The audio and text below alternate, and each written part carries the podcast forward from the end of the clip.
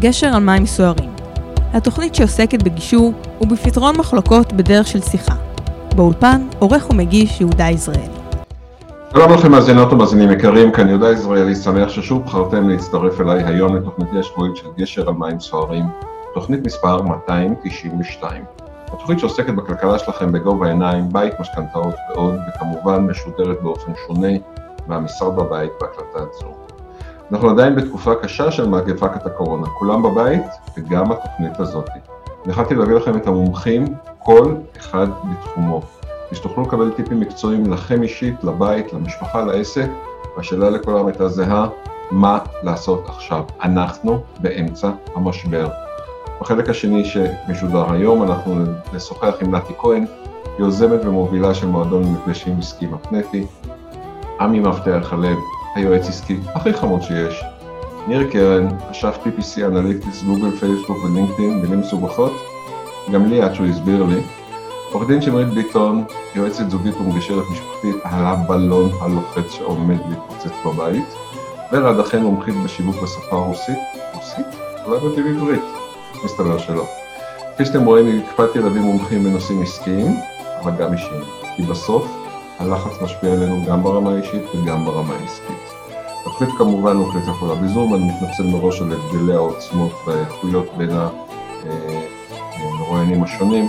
היה מאוד חשוב לי להשמיע את המומחים כדי לתת לכם את המידע כמה שיותר מהר. מקווה שתהנו ואשמח לבקשות מצד המאזינים כדי שהתוכניות הבאות יהפו עוגן עזרה לכולם בנקודות שמעניינות אתכם. האזנה נעימה. ערב טוב נתי כהן. ערב טוב, ערב טוב יהודה. מה שלומך? נתי כהן היא היוזמת והמובילה של הפנטי, המועדון למפגשים עסקיים אונליין הגדול בישראל, שרצו בו את מעל שנתיים וחצי, ומומחית לדפוסי התנהגות ושפת גוף עסקית, להעברת מסרים, להשגת תוצאות. מה זה אומר מועדון, מפגשים עסקיים? מה זה? איפה נפגשים? אז uh, שאלה מצוינת. אני חושבת שקודם כל אנחנו כבר קיימים שנתיים וחצי, עוד לפני עידן הקורונה. Uh, ערב טוב קודם כל למאזינים. Uh, אז אנחנו קיימים uh, לפני, הקמתי את המועדון הזה לפני שנתיים וחצי, באמת כדי uh, לאפשר לעסקים להיפגש בצורה רחבה יותר ממה שהמפגש הפיזי מאפשר. ואנחנו חיים אונליין, כולכם מכירים עכשיו את השם זום, אבל אנחנו כבר עובדים איתו שלוש שנים. המפגשים שלנו הם אונליין, הם מפגשים בזום. Uh, כמובן שיש הרבה טכנולוגיה מסביב שעוזרת לעסקים להתחבר וליצור חיבורים עסקיים. אז זה מועדון, באמת מועדון גדול של הרבה מאוד בעלי עסקים שיוצרים שיתופי פעולה uh, והמלצות מפה לאוזן חמות, בלי חסם גיאוגרפי. כל אחד מהבית שלו, מהעסק שלו, לפעמים אפילו מהרכבת אנשים יושבים ומשדרים, רק כדי באמת לצמצם זמן... Uh, זמן נסיעות וזמן מפגשים, ולהמשיך לקדם את העסקים. עכשיו, זמן הקורונה, זה באמת הביא את זה לכולם הביתה, גם אם רצו או לא רצו, והרבה מפגשים פיזיים גילו את הזום, אבל אנחנו כבר קיימים חזק ועובדים לעבוד עם זה, אז ככה שהיתרון שלנו באמת שאנחנו כבר רצים זה המיילג' שלנו, ואיך שהמבנה של, של המפגש מהודק, ומאפשר באמת אה, להשיג תוצאות מהירות, מאשר לגלות את זה עכשיו ואיך שזה עובד. בואי רק נדייק כן, לפני שנעבור לשאלה הבאה. מדויק זה אומר 60 דקות. זאת אומרת, המפגש הוא 60 דקות, אין זמן נסיעות, אין טבורגסים, אין טבורגסים, אין כלום. אין. 60 דקות של עבודה. אין בזבוז זמן. שעה אחת, המפגש הוא שעה אחת, בו אתה פוגשים עד 25 בעלי עסקים, כדי שנספיק בשעה, אה, ולכל אחת יש זמן להציג את עצמו במשך דקה, יותר ממה שבדרך כלל במפגשים פיזיים. אנשים חושבים שככל שיש יותר אנשים, הם יסגרו יותר עסקאות, זה לא עובד ככה. מה שחשוב הוא באמת להתחבר לאנשים, אז ככה שאם יהיו 100 אנשים, זה לא אומר שיהיו לי 100 לקוחות שיקנו ממני עכשיו, ולכן המפגשים שלנו הם עד 25 אה, אנשים בשעה, מספיקים גם לעשות uh, הצגה עצמית וגם פיתוח עסקי, ככה שזה לא מספיק שאנשים ידעו, אם אתם לא יודעים לק- לקדם ולקיים את העסק, um, כל הזמן. ואני גם ארחיב על זה באמת, מה לעשות עכשיו בזמן ה... זמן הקורונה.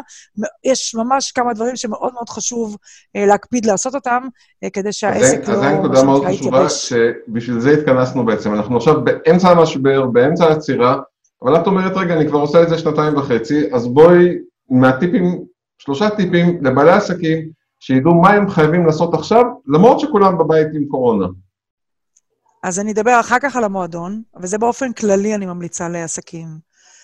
אמ, מכירים כולם את המושג לא להוריד רגל מהגז, אני אופנוענית, אז אני לא מורידה יד מהגז. אנחנו כל הזמן נמצאים באיזשהו סיבוב, כל הזמן יש איזושהי התקלה, כל פעם יש איזשהו משהו. וכשעסק יודע להגיב למציאות בהתאם לסיבוב שבא מולו, אז הוא לא מוריד יד uh, מהגז, מה שנקרא, באופנוע אתה לא מוריד יד מהגז, אחרת נופלים, uh, וגם לא בעלייה, או גם לא בנסיעה, או גם לא באתגר.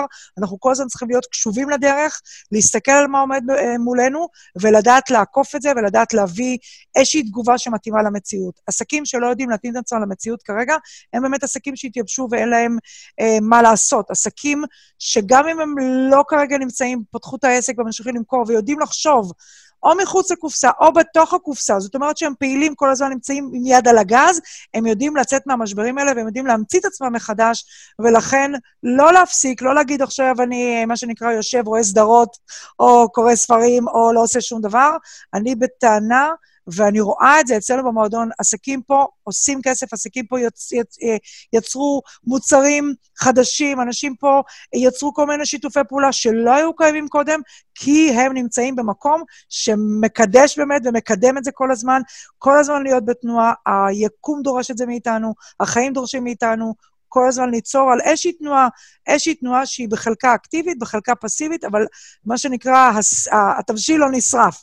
הם כל הזמן נמצאים באיזשהו ערבוב, אה, בין אם זה עם אה, מהיר או בין אם זה איטי, אבל הערבוב נמצא כל הזמן, הרגל לא יורדת מהגז, היד לא יורדת מהגז, אה, כדי להמשיך להיות אה, באנרציה כל הזמן של העסק. אז זה טיפ ראשון. רק להדגיש נקודה, נקודה אחת שאת אמרת, כן. כי היא מאוד חשובה. אה, אני, אני פשוט חי את זה במועדון הזה כל יום, אבל אנשים כאילו שהם שומעים, הם לא, לא מכירים את זה. כשאנחנו אומרים להמציא את עצמנו מחדש, אז אחד הדברים היפים שכשיש לנו עוד בעלי עסקים איתנו בזום, שאנחנו כבר נפגשים איתם הרבה זמן, זה הרעיונות שבעצם אנחנו יכולים לקבל אחד מהשני, יש לנו עם מי לעשות ציור מוחות.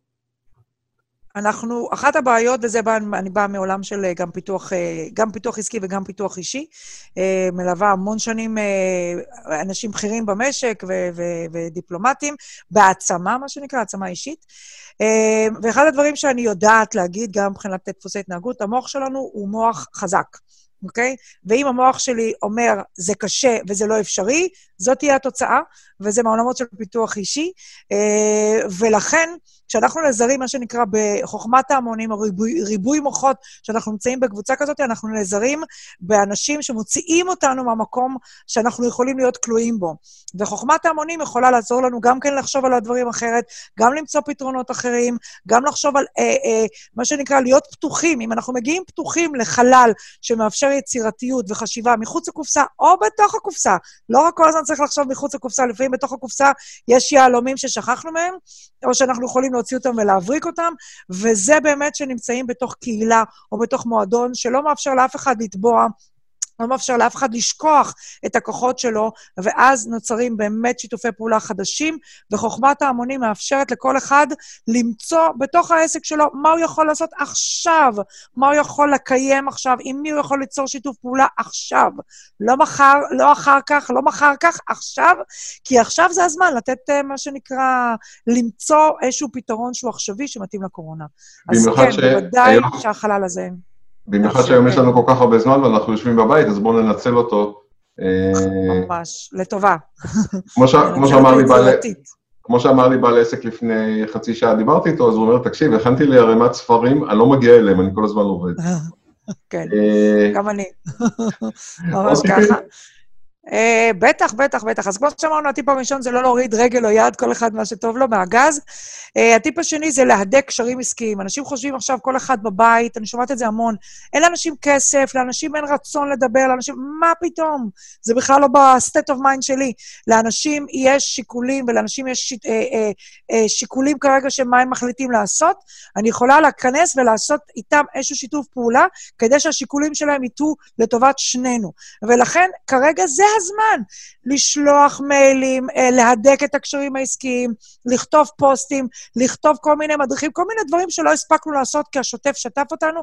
זה הזמן לעצור ולבדוק איזה דברים אני יכולה לעשות למען אנשים אחרים, כדי שהקשרים העסקיים שלי יהיו, יניבו לי אחר כך. זה מה שנקרא לעדר את האדמה, להזין אותה בקומפוסט, בכל מיני דברים, כדי שאחר כך השורשים והנבטים יצאו עם אה, אדמה איכותית, אה, וזה הזמן להדק קשרים. לא להרפות מהקשרים, גם כמו שאמרנו, לפתח דברים חדשים בעסק, זה מה שנקרא לא, לא להוריד רגל או יד מהגז. וטיפ שני זה להדק קשרים עסקיים. לפתח חדשים ולהדק, כי עסק שמבין העסק שלי בין 20, בין 20 שנה חי מזה.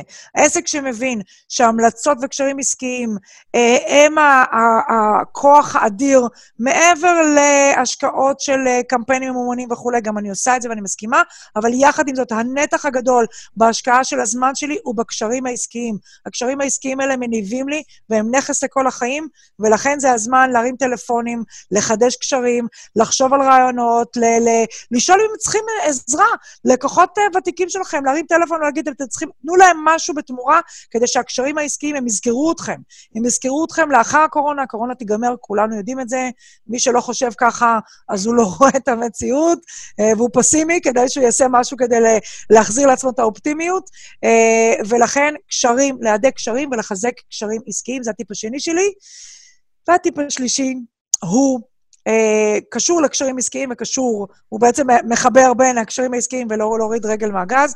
מזמינה אתכם להתארח אצלנו בקבוצות ההתארחות היא ללא תשלום, לבוא ולראות איך אנשים, אה, במה שנקרא, מקיימים ונפגשים עם עסקים אחרים אה, ללא חסם גיאוגרפי, כי כל אחד נמצא בבית שלו, והזום באמת פותר את זה. אנחנו גיליתי את זה כבר לפני שנתיים וחצי, וזה פשוט נכון היום, אה, וכל העסקים פה בהפנטי לא חווים בצורה הדרמטית את המשבר, מלבד הדברים שקשורים לחשש מבריאות ולא לצאת מהבית, ובאמת להיות בתוך המצב ההזוי הזה, אבל אה, יחד עם זאת, העסקים ממשיכים להתקיים ולהתקדם, ועסקים פה עושים, עושים, עושים, סוגרים עסקאות, וחושבים על שיתופי פעולה אה, חדשים. אז לכן, כולכם מוזמנים.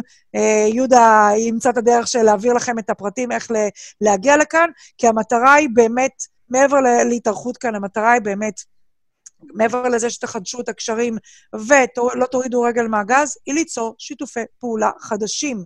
ליצור מצב שאתם חושבים על רעיונות חדשים ויוצרים שיתופי פעולה חדשים, ומגיעים לאנשים שלא הגעתם אליהם קודם. לצורך העניין, אם אה, אני יושבת לצורך העניין ברמת גן, ויושבת מישהי שכרגע ב, בירושלים או במעלה אדומים, אין לנו אפשרות להיפגש אחת עם השנייה. נפגשנו בזום, וראיתי את האיכויות של מה שהיא עושה במשרד שלה, וזה מתאים לי כרגע לקדם איזשהו משהו, אני אסגור איתה עסקה, כי כרגע זה הזמן לסדר את התשתיות, לחדש את, ה, את התשתיות, בין אם האישיות ובין אם זה תשתיות uh, בעסק, uh, לקיים אותן, להדק אותן, כי כשיגמר הקורונה, אני אוכל פשוט לפתוח, לעשות און, והדברים מוכנים. אה, זה לא זמן, יקיריי, בהת... בהתייחסות שלי, זה לא זמן לשינה. אפשר להוריד קצת את הלחץ, אבל לא, לא להוריד לגמרי. זה זמן לעשות דברים שאחר כך הם יצאו לפועל. שיתופי פעולה, קשרים עסקיים, ולא להוריד רגל מהגז. אלה שלושת הטיפים שאני חיה אותם, אבל אני ממליצה אותם בטח ובטח עכשיו לקיים אותם. בוא רק נדגיש את הנקודה האחרונה שאמרת בצורה טיפה שונה, כאילו, היום, היום שאחרי הקורונה, אף אחד לא יודע מתי הוא יקרה, וכשהוא יקרה, נכון. אז הוא כבר קרה. אי אפשר אז להתחיל להניע את הגלגל. אם אנחנו מניעים את המנוע כבר עכשיו ומתכוננים לנסיעה של אחרי זה, איך, ש, איך שנרגיש שזה אה, מתחיל לזוז, אנחנו כבר נהיה בתנועה, אנחנו כבר נוכל אה, לקבל את התשובות החיוביות ולקדם את העסק שלנו קדימה. מוכנים. מוכנים, כן, וגם זה השיח שיש היום. אנשים מדברים כבר uh, הכנות על מה, קורה, מה יקרה אחרי הקורונה. זה שיח בחברות ובארגונים שאני מדברת איתם, וכל המשאבי אנוש מתעסקים עכשיו במה יקרה אחרי הטלוויזיה, אפילו השרים והכנסת והמדינה, כולם מתעסקים מה יקרה ביום שאחרי. מי שלא מכין את עצמו ליום שאחרי, והוא חושב שעכשיו uh, הוא צריך להתעסק. בהישרדות, אוקיי? חלק מהזמן, אוקיי? גם בהישרדות אנחנו מתעסקים במה יקרה אחרי, מה יקרה אחרי שנצא מהמצב ההישרדותי הזה, ולכן חשוב לבנות כרגע את התשתיות ואת הקשרים ליום שאחרי, זה נכון, זה חכם, זה תכנון קדימה, זה אחד. ודבר נוסף הוא באמת שאנחנו לא יודעים מה יקרה, אבל אנחנו יכולים להחליט את הכיוונים שאנחנו רוצים להגיע אליהם. לכו תדעו איזה דברים חדשים תכניסו לעסק שלכם בעקבות הקורונה, בעקבות המצב הזה שאתם נמצאים בו כרגע. זה מצב שנכפה על כולנו. זה מצב שהוא לא בחר תחום עיסוק כזה או תחום עיסוק אחר.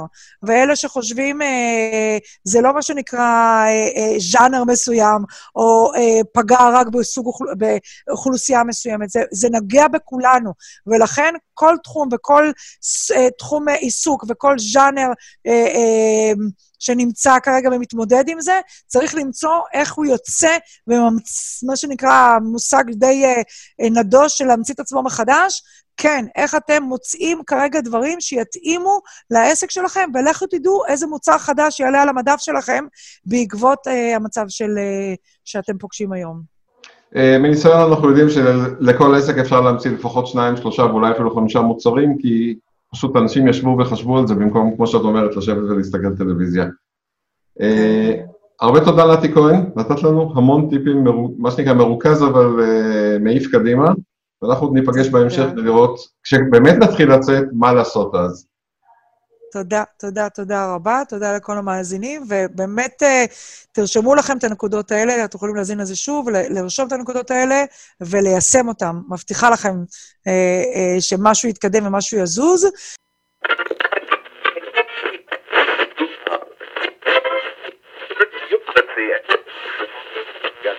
אני יודע בדיוק את מה אתם מחפשים. רדיו רנים, 103.6 FM. ערב טוב, עמי. ערב טוב, אה, ידידי יהודה. עמי מפתח הלב הוא היועץ עסקי הכי חמוד שיש. עמי, למה הכי חמוד? כי כל הזמן התחבטתי בשאלה, כשאדם מחפש יועץ, איזה תכונה הכי תחזיק מעמד. הגעתי למסקנה מוזרה, אבל היא כנראה נכונה, שאנשים בסופו של דבר מחפשים אדם שיוכלו לדבר איתו בגובה העיניים, הוא יהיה סוג של חבר וסוג של משכיל. אחרת לא לוקחים יועץ. יועץ לא לוקחים בגלל הידע המקצועי שלו. לדוגמה, בתחום של נניח משכנתאות, צריך להבין בזה. ייעוץ פיננסי, צריך להבין בזה. בתחום של ייעוץ עסקי, חמוד הוא המילת המפתח. למה, אם ככה, אז בוא רגע, בוא, אם, אם כבר התחלנו לסטות הצידה, אז אני אשאל אותך רק שאלה אחת, מחוץ לנושא של השיחה שלנו, אז מה עושה יועץ בעצם? מה זאת אומרת אין לו ידע? אתה יועץ, אני, אני, אני אדגיש רגע, אני מראיין אותך כי אני יודע שאתה יועץ טוב. נתת ליותר מבן אדם אחד עצה, שאנשים היו מאושרים, לא מבסוטים, מאושרים מהעצות שלך. אז מה זאת אומרת? אתה לא מבין? אתה מבין? יופי. אה, זאת זה הרי תחושה שנוצרה אצלך, זה רק בגלל שאני אדם מקסים וסופר חמוד. האמת היא שבסופו של דבר אתה רואה בעל עסק, אני אתן לך דוגמה פשוטה, שהוא מייצר נאמר מטבחים, אה, והוא לוקח עכשיו איזשהו יועץ, או שלא מבין כלום במטבחים, והוא מבקש ממנו עצה טובה. זה נשמע קצת לא לעניין, ואז אתה פתאום מבין שהוא בחר את היועץ כי הוא צריך עם מישהו להתייעץ. אשתו לא מבינה במה הוא עושה, היא, לא, היא יודעת במטבחים, אבל לא איך עושים אותם. הוא לא יכול לדבר איתה יותר מדי על זה. חברים הוא לא יכול לדבר איתם יותר, כולם אומרים לו, תעשה מה שאתה מבין. כשהוא פונה לכל מיני אנשים כאלה או אחרים, כולם, ועם העובדים שלו, בטח שהוא לא יכול להתייעץ, כל אחד מפחד, הנה הוא הולך לפטר אותי, מה הוא, למה הוא שואל אותי את השאלות האלה? כל מיני דברים מוסדרים כאלה. בסופו של דבר אתה בוחר את היועץ בגלל העובדה שנוצרה בינך לבינו כימיה טובה, אתה מתחיל לסמוך עליו ויש לך בן אדם, כאילו מחוץ למערכת, שאתה יכול לדבר איתו בצורה כנה לגמרי, האם המזכירה שלך מנסה להתחיל איתך, כן או לא, ומה עושים במצב הזה כשאתה נשוי באושר ואושר. אין לזה שום קשר לידע המקצועי שלך. אה, ואין אף יועץ, אגב, שיש לו איזשהו ידע מקצועי שמכליל את הכל. אז אם הוא חמוד, חכם, ומוכן לראות מחוץ לקופסה, הוא יהיה יועץ מדהים. אוקיי, אז הנה עכשיו אנחנו מחוץ לקופסה, זרקו אותנו מחוץ לקופסה עם אה, כל משבר הקורונה. תן לנו שלושה טיפים לבעלי עסקים, מה אנחנו חייבים לעשות עכשיו כדי להצליח אחר כך, או כדי להצליח אפילו עכשיו. קודם כל צריך לבחון במה אתה עושה. יש תחומים, אגב לא מעטים, שבהם באופן מעשי אתה יכול להמשיך לעבוד כרגיל ואתה רק תרוויח מזה.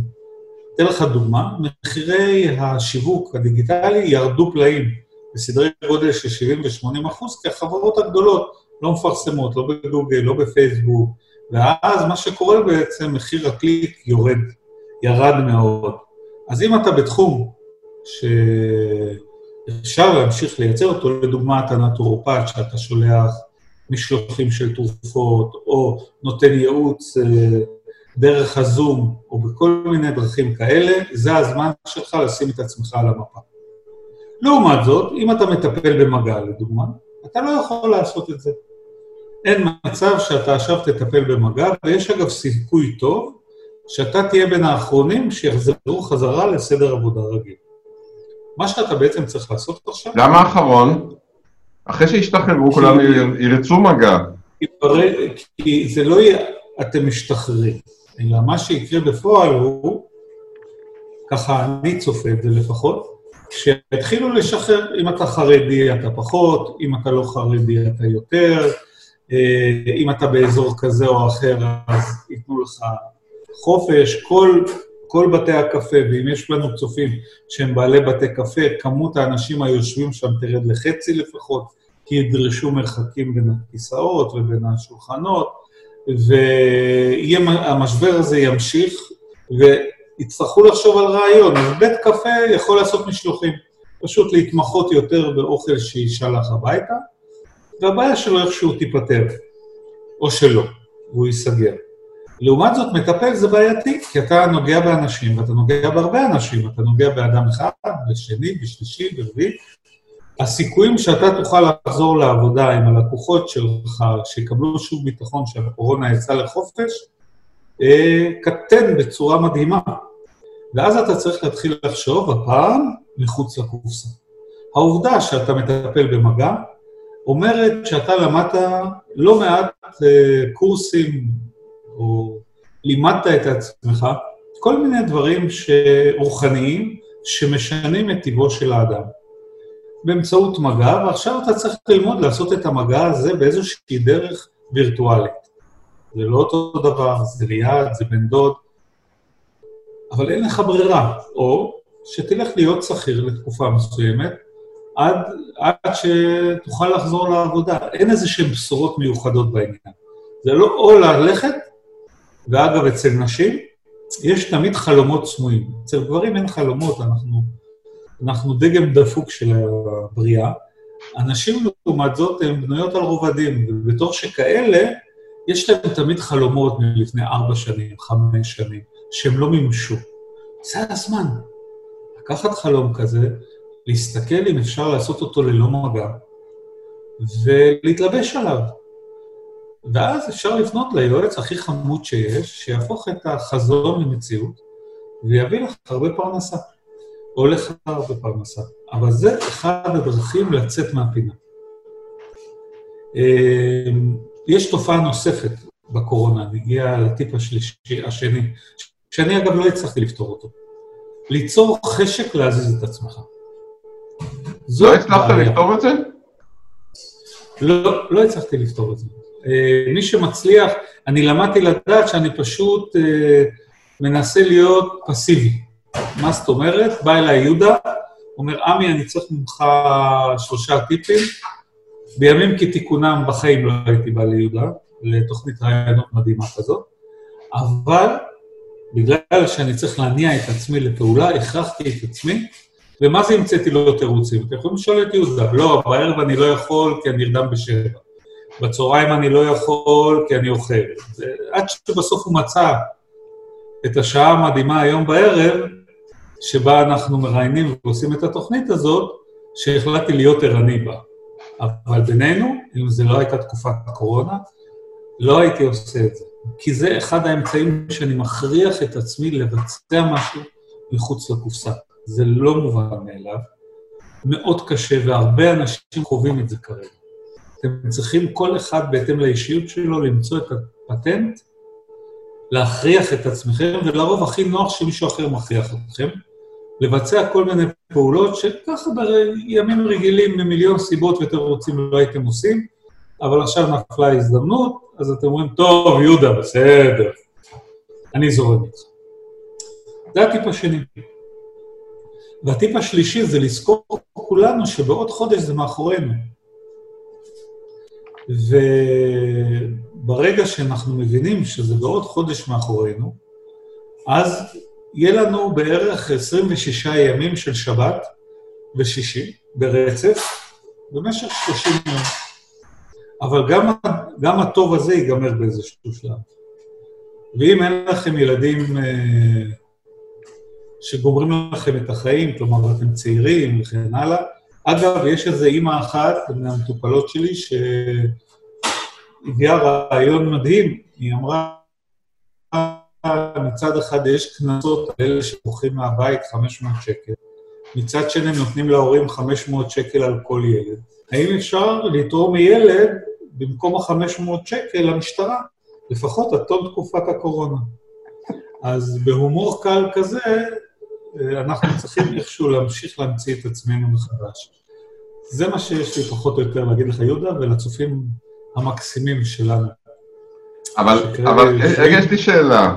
אם, אני, אני חושב שכמו שאתה אמרת מקודם, המאזינים שלנו ברדיו הרי יודעים שאמרת משהו נכון, הרי לוקחים יועץ בשביל שיביט מהצד ויסתכל. אז אם אין לנו אה, יכולת להזיז את עצמנו, אז בואו ניקח יועץ או קבוצת תמיכה, או, או משהו, נתחבר לאיזושהי קבוצה שכן יש לה אנרגיות להתקדם קדימה. אני אומר את זה כי אני עושה את זה כרגע, כן?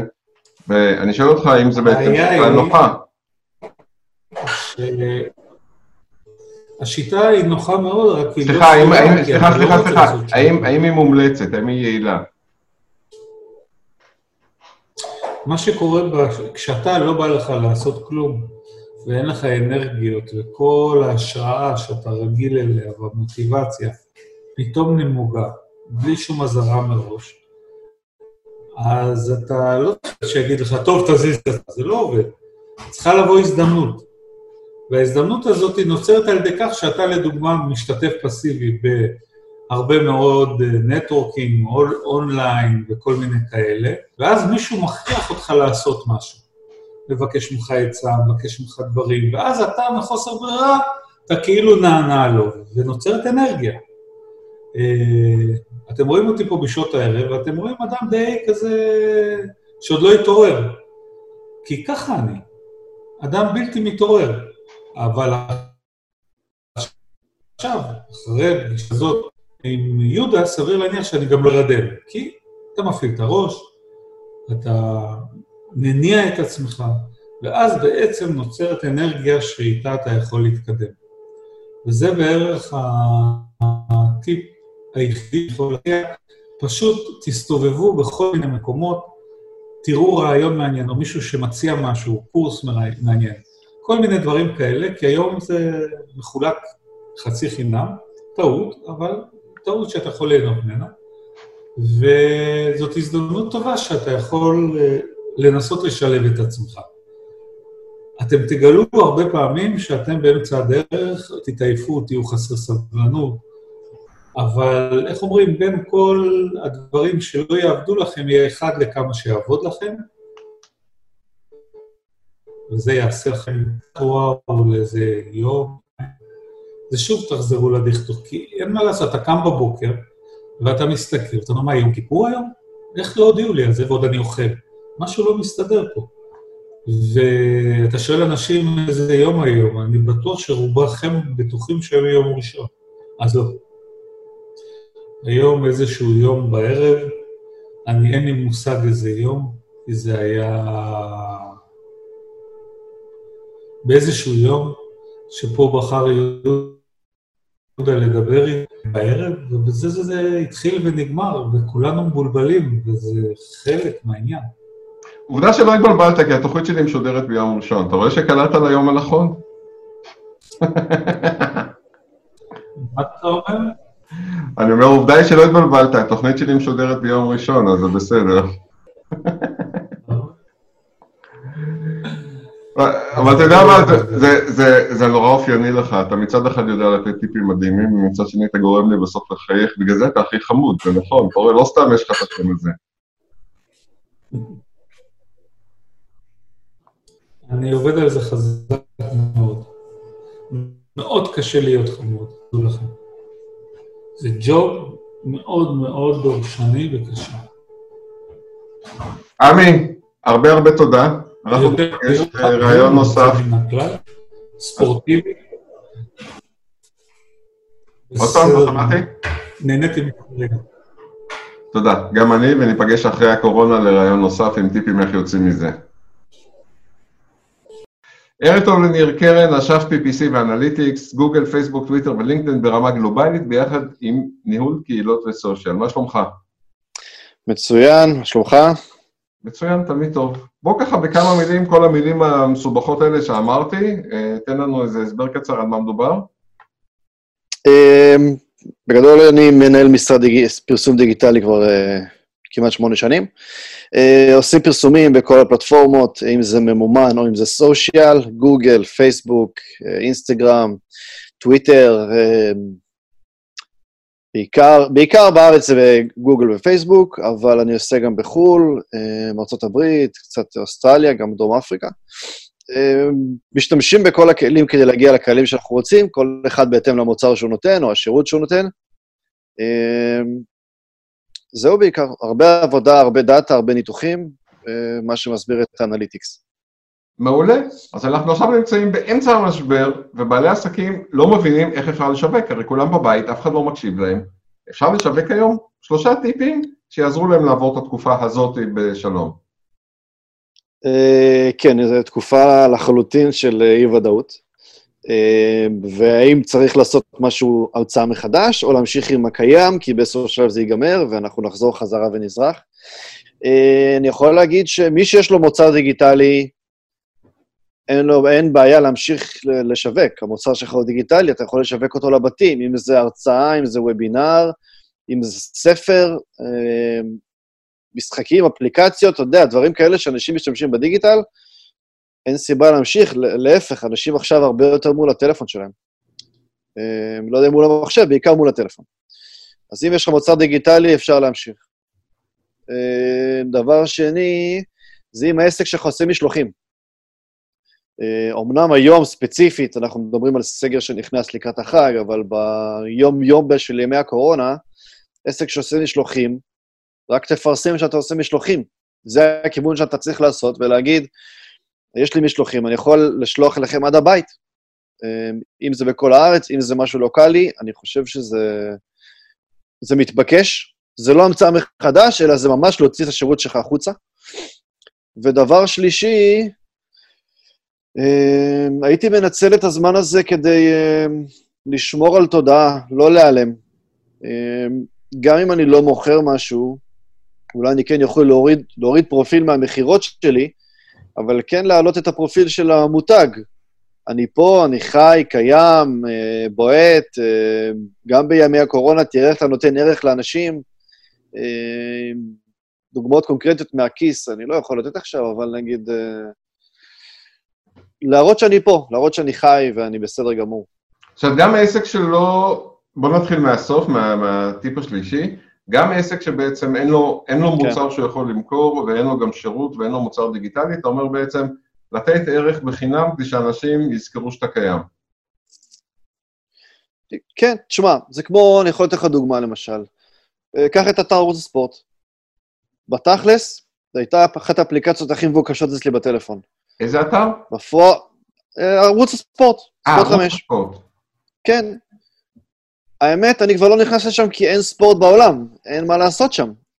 אם, אם, אם המוצר הוא תכלס למכור לנו, כאילו למכור לנו תכנים של ספורט, אין להם מה להציע, אז מה הם עושים? הם נשארים בתודעה שלנו עם נוסטלגיה, מעלים תכנים מהעבר, כל מיני כתבות חדשות עם השוואות למיניהן של עכשיו למה שהיה פעם בין שחקנים. אותו דבר, עסק אחר יכול לעשות, אם אין לו מה למכור, אם אין לו מה להציע עכשיו, תישאר בתודעה, תגיד דברים שרלוונטיים לימים האלה. אמ, אם זה עסק, למשל, של מכשירי שמיעה, אה, איך אפשר לתחזק מכשיר שמיעה בזמן הקרוב? איך אפשר אמ, לשמור עליו יותר? אמ, האם אפשר להפעיל אחריות בצורה כזו או אחרת? אתה יודע, נראה לי, אם אני לוקח את המוצר הזה, למשל, תחזוקה. איך אפשר לייעל את זה? שמירה על סוללה, כי אתה יודע, פתאום כל המשלוחים של החילופים והאביזרי חילוף פחות נגיש. אם אתה מוצר שמוכר מוצרי חשמל, וכרגע אתה לא מוציא שירות, תוציא שירות על תחזוקה, תוציא שירות על פתרונות לניקיון, איך אפשר לנקות את הבית בימי לקראת הפסח, למרות שלא מארחים. אתה מבין? יש פה המון דברים שאפשר להיות מקוריים, עם קצת חשיבה זה, כדי להראות זה, שאני זה, עדיין פה. זה, זה שאלה, דרך אגב, שעלתה, אני חייב, אני חייב, זו בדיחה מהפייסבוק המקומי אצלנו. תגידו, לצבוע את הבית, אין לו רוחים, מי יראה את זה? לא, אנחנו צובעים את הבית בשבילנו ואפשר אולי לעשות את זה לבד. הדוגמה של המכשירי שמיעה, דרך אגב, היא דוגמה מדהימה, כי אני, דרך אגב, אמרתי את זה על דברים אחרים, לא על מכשיר שמיעה, כי ברוך השם עוד אין לי, אה, אבל אמרתי לבני המשפחה, תיזהר, תיזהרו לא לקלקל משהו עכשיו, כי יהיה בעיה להשיג טכנאי. זאת אומרת, הטכנאי לא יוכל להגיע. נכון. זאת אומרת, נעזוב כרגע את המחירים, אבל אה, הוא פשוט לא יוכל להגיע, ובאמת איזשהו תיקון קטן שהוא פלסטיק שהיה צריך להגיע לפני שבוע, דחו לי לשבוע הבא, וכמובן, אמרתי להם, תדחו, זה בסדר, כי אני פחות דחוף ממישהו שהמקרר שלו לא עובד. אה, זה בדיוק המצב היום. זה, זה נכון. דוגמה, מה זה נכונה? ו... הנה, אז אתה דיברת, ואתה דיברת על לצבוע את הבית. אני אמור לקבל לקוח בתחום הצביעה.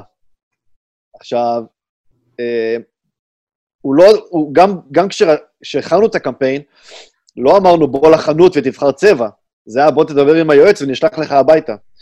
ועדיין לא עלינו לאוויר, ובינתיים כבר ראיתי מתחרה שלו מפרסם באותה צורה של, תראה את מגוון, הרי זה, אה, איך קוראים לזה? המגוון, זה כמו...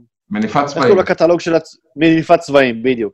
הרי זה עניין של מניפת צבעים, ואתה מדבר בכל מקרה עם מישהו, והוא יכול להראות לך את זה גם בווידאו, אז אני בדיוק, אה, ממש לפני חצי שעה צילמתי לקוח, צילמתי צילום מסך של לקוח שלהם, של מתחרה שלהם.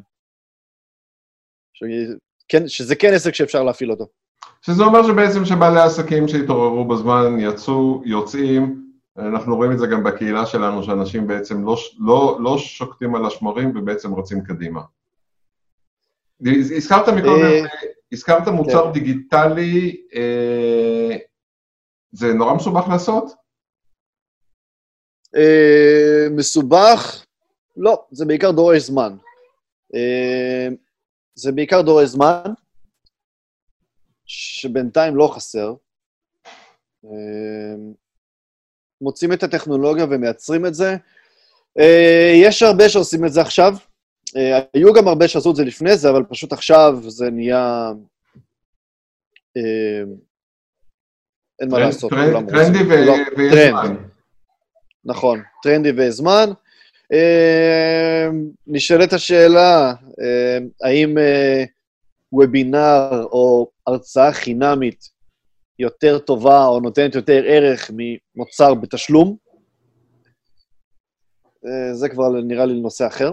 מה דעתך?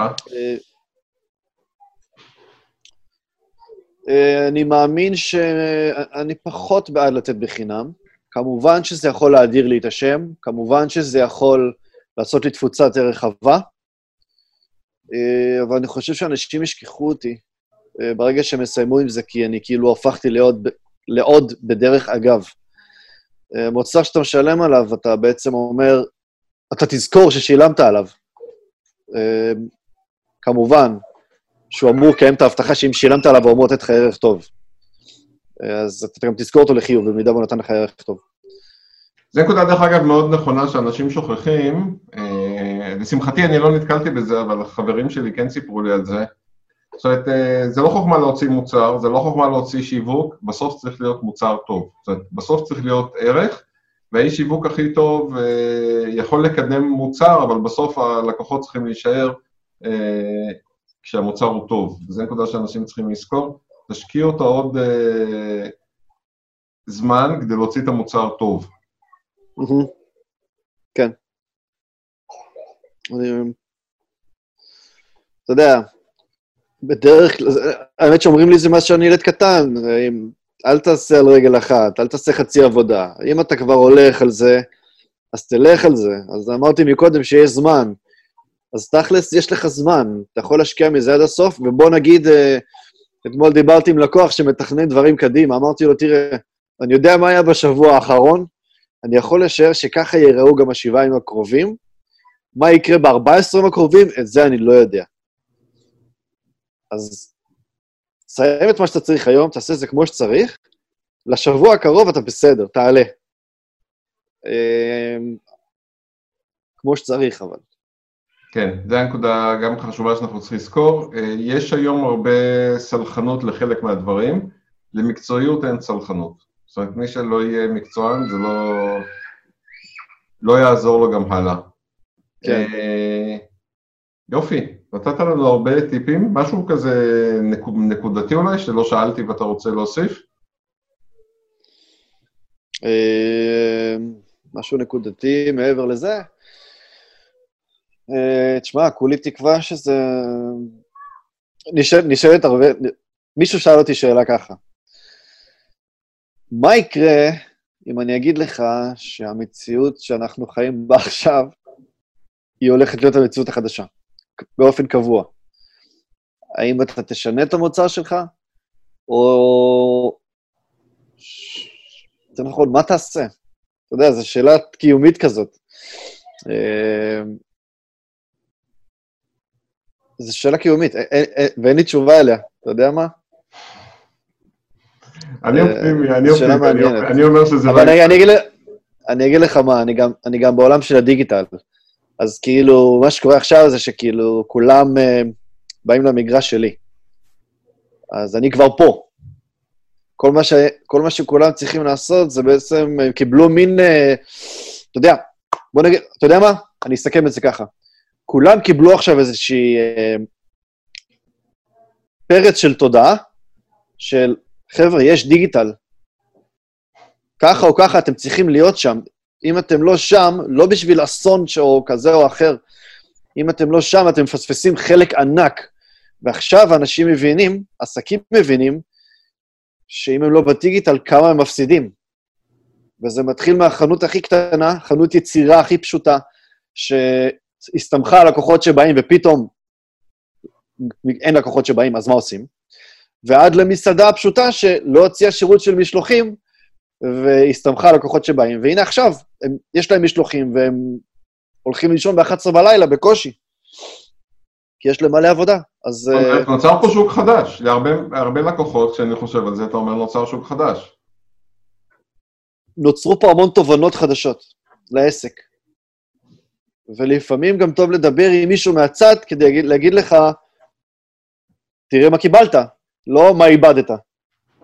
יש, קיבלנו נפח, הרבה עסקים קיבלו נפח חדש לעסק שלהם. וזה נחמד, זה טוב. זה טוב. זה טוב. אין ספק, אין ספק, תקשיב, אני גר ביישוב קהילתי, ויש פה התארגנויות מטורפות, אה, ואני, אז ככה, אז החקלאים מחולקים לשני חלקים. אלה שבטוחים שאפשר לקחת את המחירים של הסופר של פעם, אף אחד לא קונה, אף קנייה כזאת לא מתרוממת פה. ויש את האלה שמביאים במחירים הוגנים. בואו נגדיר את זה ככה, בשנייה זאתי מחולקים בחוץ אה, ארגזי פטריות, אני לא אגיד את המחיר כי זה יעורר קינה אצל כל תל אביבי. אה, ארגזים, אני מדבר על ארגז, לא סלסלות, ארגזים, כן, כשהבחור אמר שאין לו מקום באוטו. עכשיו, זה- תחשוב, זה נסיעה אחת ליישוב אחד. התמרים הגיעו לפני שעתיים, אתמול הבחור עם הביצים עשה שתי נגלות. זאת אומרת, הוא בא עם אוטו מלא, נסע, חזר אחרי שלוש שעות עם אוטו מלא. למה? כי הוא מכר במחיר הוגן. זאת אומרת, המחיר היה הוגן. לא מחיר סופר, כן. היה עוד אה, חמישה שקלים, משהו כזה. בא לו דלק, אני לא, לא בא בתלונות. לא, תשמע, אנחנו, היה אתה אלה יודע איך זה... שהוגנים, אלה שהוגנים, ואנחנו כלום, אנחנו יישוב של 600 משפחות, תחשוב. אנחנו מספקים פה עבודה לאנשים שמבינים שהוגנות אה, ואיכות כמובן, המוצרים הם... אני ראיתי את התמרים שהגיעו לפני שעתיים, תקשיב, לא מוצאים כאלה בסופר, כי זה ישר מהמגדל. חבל על הזמן. אה, האמת שגם אנחנו עושים אה, בדרך כלל משלוחים של פירות וירקות ממשק שנמצא באזור שלנו. אני בהרצליה, יש פה כמה כאלה שעושים. אה, עכשיו, מן הסתם, יש הרבה יותר, ממש עכשיו. הם גם הבינו שמילת המפתח פה היא משלוחים, והם מגיעים, הם דופ- דופקים לך בדלת והולכים, אה, כדי לא להישאר באזור. אה, זה מחזיר, מה שאתה אומר עכשיו מחזיר אותי לימים של שנת 2000, Y2K. אתה זוכר עם הבאג של המילניום ומה יקרה והעולם יקרוס והכל? אבל מה קרה אז? אני זוכר את זה, אנשים העלו את המחירים של המים, החברות העלו את המחירים של השישיות מים, כי אנשים חיפשו הרבה מים. כי, כי הלך, העולם הולך כביכול הלך להתפרק. ל- בדיוק, בדיוק, בדיוק. וכעסו עליהם, וחלק אמרו, זה שוק פרטי, אנחנו יכולים לעשות מה שאנחנו רוצים. אה, היות ואני הייתי עדיין בבית של ההורים, זה היה לפני 20 שנה, אז לא כל כך התייחסתי ל... אה, כמה יעלו המים. זה גם חזר על עצמו בכל המלחמות, אגב. ואתה צודק, מי, ש... זה מי שנותן את המחיר הנכון, מי שנותן את המחיר ההוגן, בסופו של דבר יצא שהוא הרוויח יותר. אה, נראה לי. נראה לי. אבל שוב, זה גם תלוי באיכות. אבל זה כבר נראה נכון. לא, עזוב, אני דיון ראיתי... למשהו אחר. אני ראיתי מה שמגיע אלינו, עזוב, אה, שוב פעם, אני לא אצטט מחירים, אה, אבל הוגן זה הוגן, והסחורה שמגיעה לפה עד עכשיו, ודרך אגב, בכל ה... גם לפני הקורונה, יש שוק, שוקי חקלאים פה באזור, אה, אבל אז המחיר לא הוגן, ולכן הפסקתי ללכת. אבל עכשיו באמת המחיר הוגן, והסחורה היא דלוקס, דלוקס א' א', לא, ממש לא, לא א', אני אומר א' א', באמת הוגנת, יש אנשים הוגנים. אני דרך אגב אומר את זה כל? הזמן. מה שאלת? אני אומר, זה ממש מהחקלאי לצרכן.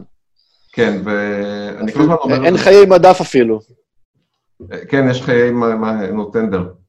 אני כל הזמן אומר את זה, דרך אגב, תחפשו כל הזמן עסקים הוגנים, אתה עסוק בשיווק שלהם.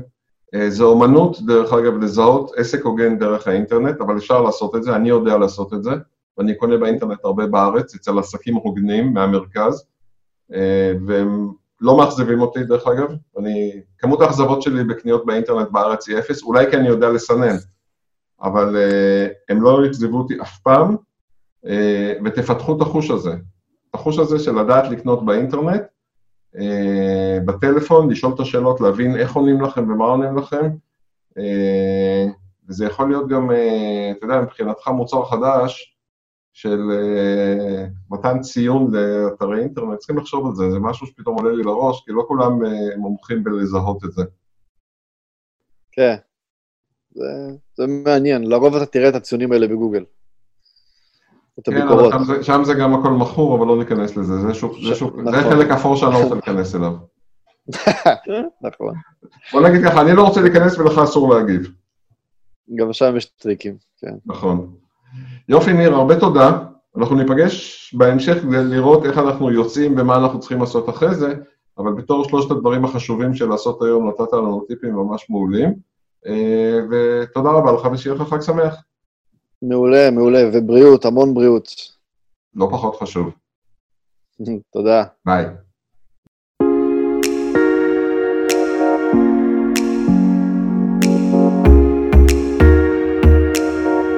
אתם מאזינים לרדיו אורנים, 103.6 FM. תחנת הרדיו של מכללת אורנים. חפשו אותנו באינטרנט, רדיו אורנים.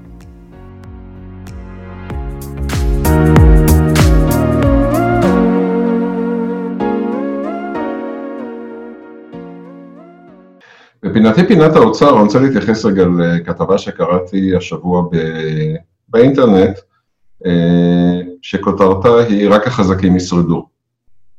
האמת שאני לא רוצה להתייחס לשאר הכתבה כי פשוט אני לא מסכים איתה.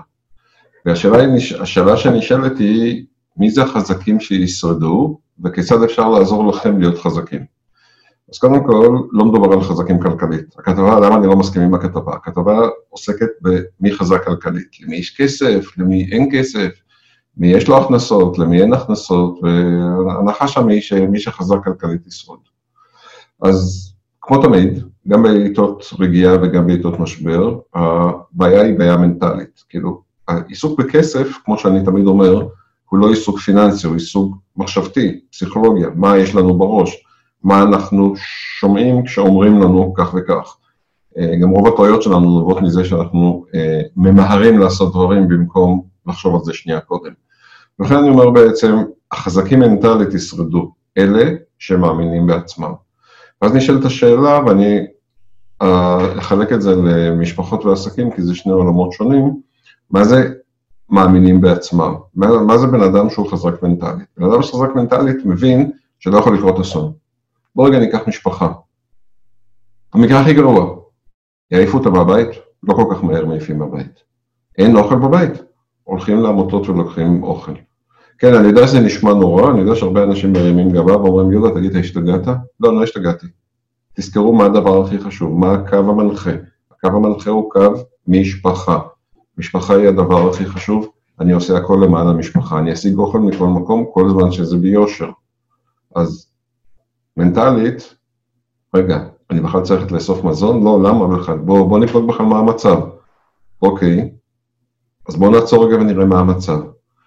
ויכול להיות שאנחנו נגלה שאולי אנחנו לא המיליונרים הכי גדולים בעולם, אבל כן אנחנו במצב כלכלי שהכל בסדר. מה עושים רוב האנשים? מנטלית הם מפסידים. הם קוראים בפייסבוק מהחברים שלהם ש... א', ב', ג', הם שומעים מהחברים בסופר, אמנם שני מטר, אבל עדיין אפשר לשמוע, ש... ד', ה', ו'. הם בטוחים שהמצב קטסטרופה. אולי המצב אצלכם דווקא לא קטסטרופה? בדקתם? אתם יודעים? יכול להיות שהמצב שלכם הוא לא כזה קשה. ואז יש לכם שתי אפשרויות. אחד זה אה, באמת אה, להמשיך לבכות, ואז המצב המנטלי שלכם ירד ויהיה יותר גרוע. למה? כי אתם משכנעים את עצמכם כל הזמן שהמצב גרוע. אפשרות שנייה היא לקום ולעשות, בואו נבדוק מה מצבנו האמיתי. כשאנחנו בודקים מה מצבנו האמיתי, אנחנו יודעים שני דברים. אחד, את האמת, ב', מה אנחנו צריכים לעשות. 99% מהמשפחות שליוויתי ידעו בדיוק מה לעשות אחרי שהם הבינו מה המצב האמיתי. אז בואו נראה מה המצב האמיתי. תהיו חזקים מנטלית, תבינו שהכוח הוא אצלכם, תבינו שלא יכולה להיות שום קטסטרופה, אתם ברוך השם בריאים, האויב לא נמצא על הגדרות, הכל בסדר, הכל בשליטה. תזכרו שיש לכם משפחה שמביטים עליכם, מסתכלים ומחפשים לראות עוגן. אתם העוגן של המשפחה. זה לא משנה אם זה בן הזוג או בת הזוג, או ההורים או הילדים, זה בכלל לא משנה. אתם העוגן.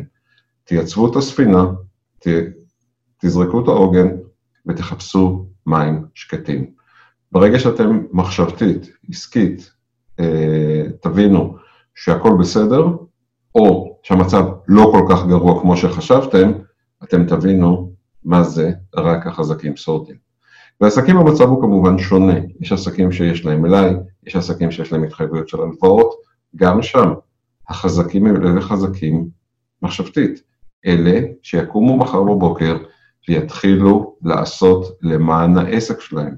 ברגע שהם יעשו, הם ימצאו פתרון. להחזיר צ'קים תמיד אפשר. אוקיי, יחזור צ'ק. הבטיחו שלא יתייחסו לזה. כן יתייחסו לזה, לא יתייחסו לזה. חבר'ה, בסוף הבריאות שלכם זה הדבר הכי חשוב. ברגע שתהיו חזקים מנטלית, תוכלו לפתור את הבעיה. אם לבד, אם על ידי יועץ, אם על ידי הבנק, או כל מקור אחר שהוא חוקי ולא שוק אפור. תבינו, ההליכה בצורה ישירה, ההליכה בתלם, ההליכה קדימה היא זו שתציל אתכם. לא יציל אתכם שום דבר אחר, חוץ מזה שאתם מנטלית תבינו שאתם מסוגלים. אני מודיע לכם, אתם מסוגלים. 90% מהאנשים שאני פוגש מסוגלים, הם פשוט לא מאמינים בעצמם. אז הפעם הבאה שאומרים לכם, רק החזקים ישרדו, תגידו, כן, אני חזק, אני חזק מנטלית, אני במחשבה שאני הולך לנצח, ואני אנצח, אני אנצח את הקורונה, אני אנצח את הבעיה הכלכלית, ואני אנצח כי אני אמצא פתרון. לא כי זכיתי בלוטו, לא כי יש לי מיליון דולר, אלא כי אני יודע שאני הולך לחפש פתרון, ומי שמחפש פתרון, בסוף גם מוצא אותו. ערב טוב, אה, שמרית. ערב טוב, יהודה, מה שלומך? מצוין. עורך דין שמרית ביטון היא יועצת זוגית ומגשרת משפחתית. איך עוברת התקופה האחרונה מבחינת המשפחות שאת בקשר איתן? תקופה לא פשוטה. תקופה מאתגרת לכולם, למי פחות, למי יותר. אתגרים שונים כמובן, אבל uh, בסוף יצלחו את זה. זה יעבור. כן, אי אפשר לברוח מהבית, זו נקודה חשובה. הרבה אנשים גילו כן, שאי אפשר לברוח. מהבית. המשטרה מחכה בחוץ. אה, אז בואי תתני לנו כמה טיפים לזוגות, זוגות עם ילדים, אה, משפחות, אה, משהו שיעזור להם, למאזינים שלנו, לצלוח את התקופ- את התקופה הקרובה בצורה יותר טובה. בשמחה. בגדול, לפני שככה נתחיל, מאוד מאוד חשוב לי, חשוב לי להדגיש, להזכיר למי שזה ברור לו מאליו, שמדובר בתקופה זמנית בסך הכל. וכל זה בסופו של דבר יעבור ויהיה מאחורינו. ולזכור, אה, לצד זה שאנחנו זוכרים שזה באמת זמני, אז ככה לנשום לתוך כל הלחץ ולתוך כל המורכבויות שאנחנו אה, חווים ביום-יום, ולהזכיר לעצמנו שזה באמת עומד להסתיים, ובתוך זה בעצם, אז רגע, איך אני רוצה שהתקופה הזו באמת תעבור. והכי חשוב איזה זיכרונות אנחנו מייצרים ומשאירים כאן גם לנו כזוג וגם uh, לילדים, למי שיש לו ילדים כבר, ולתוך זה ככה לנסות uh, להתנהל ביום-יום. הטיפים שאני, חשוב לי ככה לתת, uh, הם, יש הרבה, בסדר? יש הרבה דברים שאפשר ככה לעזור לזוגות ולמשפחות, יש הרבה כלים. בחרתי כמה, אני מקווה שזה יגיע לכמה שיותר, יעזור לכמה שיותר. הדבר הראשון שאני אתחיל איתו זה באמת בתוך כל התקופה הזו, בואו נדבר רגע על עוגני שגרה. יש לנו מציאות שנכפתה עלינו שהיא נראית בערך כמעט אותו הדבר, והיא יכולה גם מאוד מאוד uh, לשגע בתוך ה-24/7. Uh, אז לייצר איזה שהם עוגנים מסוימים שיהיו מעין עוגני שפיות, עוגני שגרה, שזה אומר uh, משפח, ארוחה משפחתית נניח ביום. אוקיי? Okay, זה יכול להיות איזושהי uh, שיחה קבועה של המשפחה ביחד, יכול להיות איזשהו זמן פעילות משותף, משחק מסוים של פעם בשבוע, משהו שהמשפחה או הזוג יודעים, שיש להם את זה, משהו שהוא קבוע, בתדירות שוב שמחליטים, אבל שזה ככה קיים שם, ולא איזושהי רוטינה, רק בתוך הרוטינה הכוונה, בש... בתוך כל התקופה הזו. דבר נוסף שאני ממליצה זה לקיים, אם בטח אם זה עוד לא יתקיים עד עכשיו, אז, אז לעשות, ושיהיה משהו שיכול לחזור על עצמו גם בהמשך, איזושהי שיחה משפחתית, שיושבים כולם ומבקשים ככה לשתף כל אחד מבני הבית בקושי שלו במציאות הזו. כל אחד חווה את זה בצורה אחרת, כל אחד חווה משהו אחר, בטח בין האחים אולי. אז ככה לבקש שכל אחד ישתף באיזשהו קושי מבחינת המציאות האישית שלו, מה הוא היה רוצה לבקש אה, שישתנה, מה חשוב לו, מה הוא צריך, או אולי, אולי הוא היה רוצה מאחד האחים, או אולי מאחד ההורים, לאפשר להם, לדובב אותם, ליותר נכון לעזור להם אה, כן להגיע לזה ולגרום להם כן לדבר בצורה הזו, ולהוציא ולשתף אה, ברמה המשפחתית. Uh, לצד גם כל uh, אמירה כזו, uh, לבקש שתאמר גם איזושהי התחייבות אישית כלפי אחד האחים או אחד ההורים, משהו שהילדים יודעים, גם כל אחד מאיתנו יודע מה אולי חשוב לאחר מבחינתנו, מצידנו. אז הזדמנות ככה לייצר איזושהי הסכמה משפחתית ולעשות את זה גם כן כמשהו שהוא איזושהי, איזושהי שיחה חוזרת מדי שבוע, יכול מאוד מאוד uh, להקל על המתיחות והלחץ ובטח להוביל לכל מיני הסכמות uh, uh, וככה שלום, מיני שלומי בית כאלה בין כל התקופה המטורפת הזו. אמרת, אמרת, אמרת, אמרת רגע, זה, זה שתי מילים שחשוב לי, שחשוב לי להדגיש אותם, ולא לעבור עליהם ככה, האחר. אז קודם כל, האחר הזה, כמו שאת אמרת, את אמרת את זה, אני, אני בכוונה מקצין את זה, כן? האחר הזה הוא בן משפחה, אבל נגיד שאנחנו במקרה אפילו לא עם בן משפחה, זה מישהו שאנחנו תקועים איתו עכשיו בבית, בצבא, בחדר, לא משנה איפה, אנחנו תקועים איתו וצריכים להמשיך, ולכן התחשבות היא מאוד תעזור. דרך אגב, זה עוזר תמיד בחיים, אני בטוח שיש לך מלא דוגמאות איפה שהתחשבות במישהו אחר אה, יכולה לעזור, אבל פה אני בכוונה הקצנתי את זה. האחר הזה זה לא איזה מישהו זר, זה לא איזה מישהו מהחלל, זה בן משפחה. בדיוק. זה בעיקר לזכור uh, שמדובר באמת בבני משפחה, ואנחנו פשוט בתוך ההרגל הזה וכל השגרה היומית הרגילה שלנו, גם בלי המציאות הזו, אנחנו רגילים להתנהל רגיל. זאת אומרת, לא בהכרח לשתף עכשיו, לא בהכרח רגע לשים לב למה לאחר מפריע, אנחנו לא רגילים בהכרח רגע לתת לזה מקום או לתת לזה איזשהו מענה. והאחר, כמו שאמרת, הוא באמת, כאילו, זה נכון לחדד את זה, מדובר בסופו של דבר באמת בבן משפחה, וכשנזכור שבסופו של דבר אנחנו תא משפחתי בבית, סיר לחץ הזה הוא סיר משפחתי, אז יש חשיבות ומקום uh, להתייחס לאחר הזה, וכן לתת לזה משנה תוקף, ואני תמיד אומרת ש... תמיד אמרתי בעצם מתחילת התקופה שזו הזדמנות, וכאן יש פה איזושהי הזדמנות כמשפחה לייצר פה משהו שהוא חדש בהתנהלות, בשגרה, בשיח המשפחתי הזה, ליצור חיבורים בין בני המשפחה, לייצר להם איזושהי תקשורת ורבלית קצת אחרת. אז הזדמנות להשתמש בזה. לראות את זה. דרך אגב החלטה, אני, אני רואה את זה דרך אגב אצל כל בעלי המקצוע, אנחנו ב...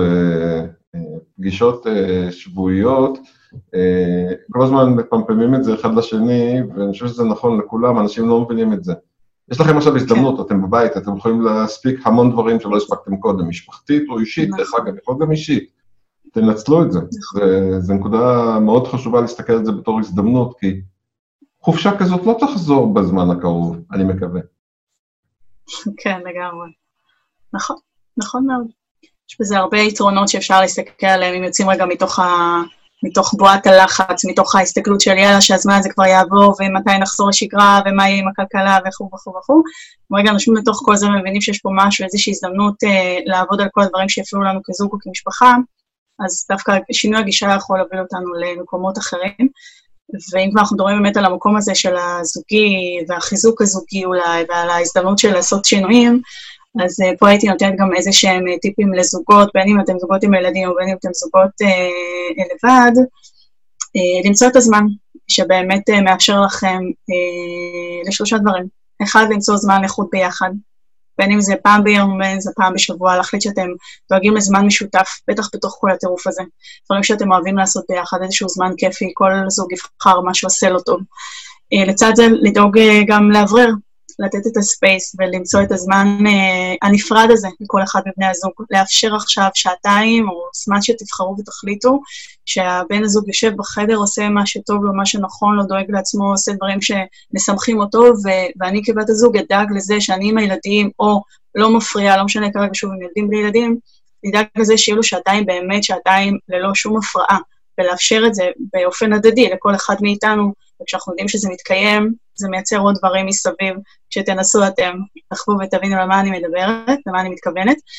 אה, והדבר הנוסף הוא שאני אמליץ הוא באמת ליצור שיח, שיח משותף, זאת אומרת, זה שיח שמתפרש לכמה דברים. האחד, לדעת שאנחנו בכל יום משתדלים לעשות איזשהו שיח משותף, ובו אנחנו משתפים איזושהי חוויה רגשית שכל אחד מאיתנו חווה במהלך היום, זה יכול להיות משהו חיובי, יכול להיות משהו פחות משמח, אבל משהו אישי רגשי שלי, שאני משתפת בן הזוג, והוא נותן לי מקום של הקשבה והכלה, ולא כרגע ממקום של למצוא פתרונות או לתת לזה איזשהו מענה, אלא הידיעה שיש לי מי שמקשיב לי עכשיו ושאני יכול לשתף. ולעבוד על המקום של הפתיחות והשיתוף, זה בדיוק החוז, החוזקה של זה. ומעבר לזה, לתת מקום באמת לדברים שכן יש עכשיו לשתף, על שמפריעים, או על שיש צורך. רגע, איזושהי, איזשהו משהו שמפריע, או משהו שאני זקוקה לו, איזושהי עזרה מסוימת, או איזשהו קושי. המקום הזה, הידיעה שיש לי את השיחה עכשיו בסוף הערב, בסוף היום, מבן הזוג, ואני לא צריכה עכשיו לבוא ורגע אולי, או יותר נכון, זה שיש לי את הזמן הזה, יגרום לי רגע להניח לזה בצד, כי יש לי את הזמן שבו אנחנו אמורים לשוחח, ולא יבער בי עכשיו להעיר את זה, ואז לא להיגרר למריבה או לאיזשהו ויכוח בזמן של כעס. זה הרגל שהוא טוב כמובן גם לאחר ימי הקורונה, ואני ממש ממליצה לזוגות ליישם אותו כבר מעכשיו. חלוקת תפקידים או דברים דומים יכולה לעזור, יכולה להזיק, מה את אומרת? לא שמעתי, סליחה, את המשפט, סליחה, יהודה? חלוק... מה אתה אומר? חלוקת תפקידים בין ילדים, בין ילדים מבוגרים, בין בני המשפחה, יכולה לעזור, להזיק? בהחלט, בטח כל משפחה יודעת אולי מהן החוזקות ומהן החולשות שלה כמשפחה, וגם אחד לכל אחד מבני הבית. וכשיש משימות ומטלות שהן גבוהות, בטח עכשיו בימים האלה, יכול מאוד מאוד לעזור לכל המשפחה ליצור איזושהי רשימה של דברים, מה בדברים הקבועים ומה בדברים שלא. ולנסות רגע לחלק בין כולם ולעשות איזושהי, איזשהו סבב של גם מטלות, זה לא חייב להיות משהו קבוע לכל אחד מבני הבית, אבל כשאתה יודע שלך עכשיו קשה, או לא נוח לבצע קיפול כביסה או שטיפת כלים, ומישהו אחר לוקח את זה לעצמו מתוך המקום הזה, ואתה משהו אחר, יש פה איזשהו סנכרון ואיזושהי הדדיות מסוימת שמאפשרת לזה לקרות בצורה טובה אחרת.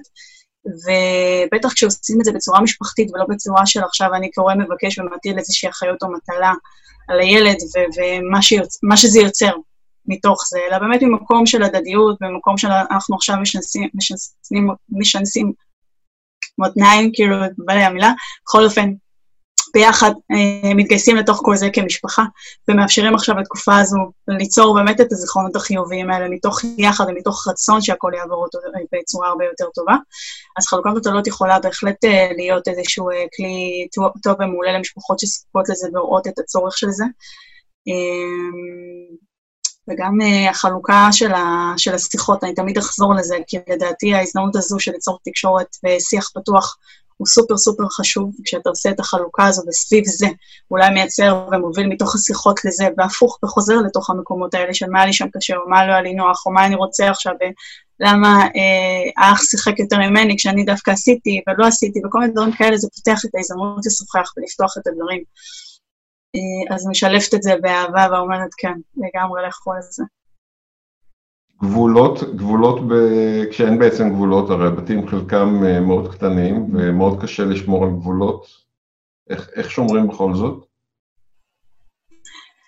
אני כמעט כל תשובה של כל דבר שיהיה לי מבחינת אתגר שזוג יעלה בפניי, בטח כמשפחה, אני איכשהו אחזור למקום של השיח של התקשורת. אני מאוד מאמינה שכשיש תקשורת טובה, אה, אפשר להגיע למחוזות מאוד מאוד רחוקים כמשפחה וכזוג. נכון שכשמדובר אה, בילדים קטנים, בפעוטות, אז אה, שם אולי האתגר הוא יותר גבוה לבוא ולדבר על תקשורת והצבת הגבולות. ולשם זה יש באמת את גורמי המקצוע הנכונים לעשות את זה, ולתת את הטיפים והכלים הנכונים. אבל כשאנחנו רוצים רגע ליצור איזה שהם מעגלי, אה, איזה שהם גבולות במעגל ההתנהלות היומיומי המשפחתי, אני מאוד מאמינה ומאוד בעד ודוחפת לשיח משפחתי, בדיוק כמו אותה שיחה שציינתי וככה המלצתי קודם לכן, נעשה שיחה עכשיו סביב הדברים שאנחנו כהורים חשוב לנו שיתקיימו, או מפריעים לנו שמתקיימים עכשיו, או שעכשיו שעת הלינה, או שעת המקלחת, או, או כמות המשחקים שאתם מאפשרים לעצמכם במהלך היום, וכל מיני דברים כאלה ידוברו ויועלו בצורה של שיח פתוח כמשפחה, ויינתן מקום באמת למה שילד חווה, למה שילד מרגיש, לצרכים שלו, למה הוא רוצה ולמה הוא עושה את זה או לא עושה את זה, ומה חשוב לו סביב זה, או מה הוא מצפה אולי מההורה, אולי איזשהו זמן הורה חסר לו. כל מיני דברים כאלה, אלה דברים שיעלו דווקא במסגרת השיח, וההורים שיקיימו את השיח בצורה הזו, בהחלט יצליחו להוביל לגבולות מאוד מאוד ברורים, לא ממקום של כעס ומתוך uh, מקום של אני אמרתי זה מה שתעשה, אלא באמת בהדדיות ומתוך מקום של uh, uh, התנהלות משותפת ומתוך הסכמה, שזה הכי הכי חשוב, ומתוך באמת הבנה האחד של השנייה. כשילד יראה שההורה מבין אותו, הוא יסכים כמעט לכל דבר שההורה מבקש ממנו. ובעצם אחד, אחד הדברים שאני תמיד אומר, אם כפי נראה, פתאום זה עלה לי בראש, לא חשבתי על זה מראש, אחד הדברים שאני תמיד אומר לגבי ילדים זה שאם ההורים מראים דוגמה, אז כמובן לילדים יותר קל לה, לה, להעתיק ולהעצים את עצמם. נכון, לגמרי. כשהדוגמה הזו צריכה לבוא לידי ביטוי, שוב אני אחזיר את זה לתקשורת, למקום של באמת, אם אני באה ומשתפת את הילד, אם אני באה ושואלת, אם אני באה ומנהלת שיח, גם ההורים, הילדים צריכים לראות גם את השיח בין ההורים על הדברים האלה. זאת אומרת שכשאני רוצה שהילד ישתף אותי, או יבוא וידבר איתי אה, כלפיי, לא בכעס, ולא בצורה חצופה, או לא בצורה של אה, הרמת הקול, או באמת לבוא בכלל לשתף על דבר שמפריע לו, אז אני כן, כהורה צריכה, צריכה לתת את הדוגמה הזו עבור הילדים, ולנהל את זה יחד עם בן הזוג שלי בצורה הזו, ובטח בצורה המשפחתית שאנחנו ננהל את השיח. אז אה, גם בהקשר של המשימות, בטח הילדים רואים שההורים עושים את הכל, כן? זאת אומרת, זה לא משהו שבשביל זה, שפה הם צריכים לתת דוגמה. אבל באיך לתווך את הדברים, ואיך לדברר את הדברים, ואיך לנהל את הדברים בצורה התקשורתית והוורבלית, זה בהחלט הכי המקום לתת את הדוגמה בו, שיכול להוביל לתוצאות שההורים רוצים להוביל אליהן. מעולה. עוד משהו שכדאי שנעשה היום כדי שנתכונן למחר?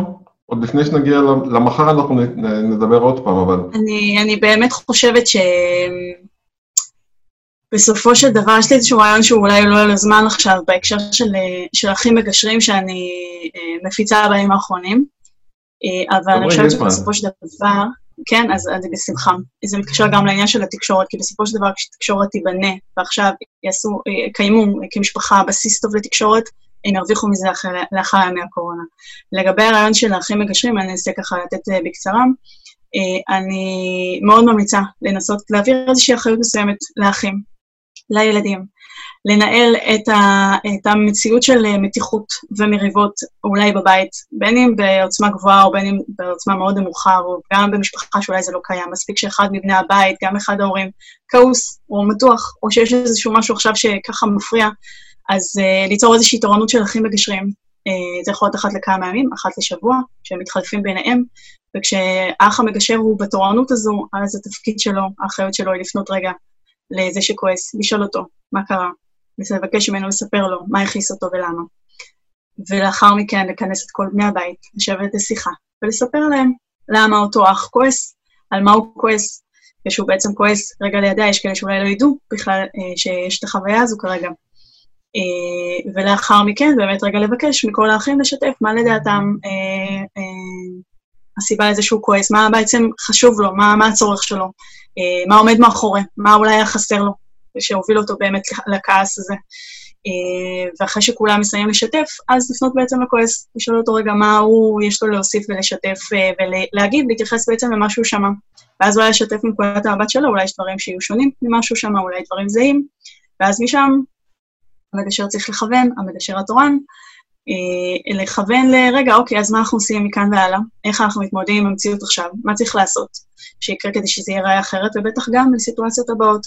וככה הם גם לומדים לתקשר את, את ההתנהלות היחסית הזו בין כל בני הבית במובן של כעס, גם לפתור את המציאות הזו של הכעס, גם להוביל ולחשוב יחד על הפתרונות, וגם באיזשהו מקום זה גורם להם לאיזושהי התחייבות הדדית של אוקיי, עכשיו שוחחנו, אנחנו לא נעשה שוב את אותו הדבר, נכון?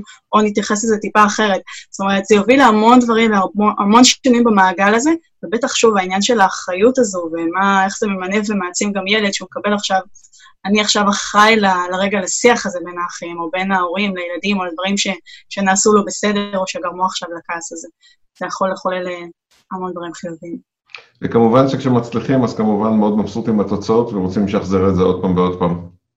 בהחלט, בדיוק. זה, זה תמיד אני אומר, תנסו, מקסימום תצליחו, שזה לגמרי. לא פשוט.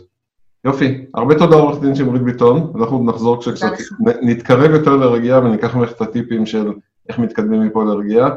הרבה תודה וחג שמח. תודה, חג שמח, ערב טוב, להתראות. הלו, ביידלרה, זה רדיו? את באולפן? לא, אני בבית, במרפסת. אז תדליקי את רדיו אורנים, 103.6 FM. את כל כך מיידלה.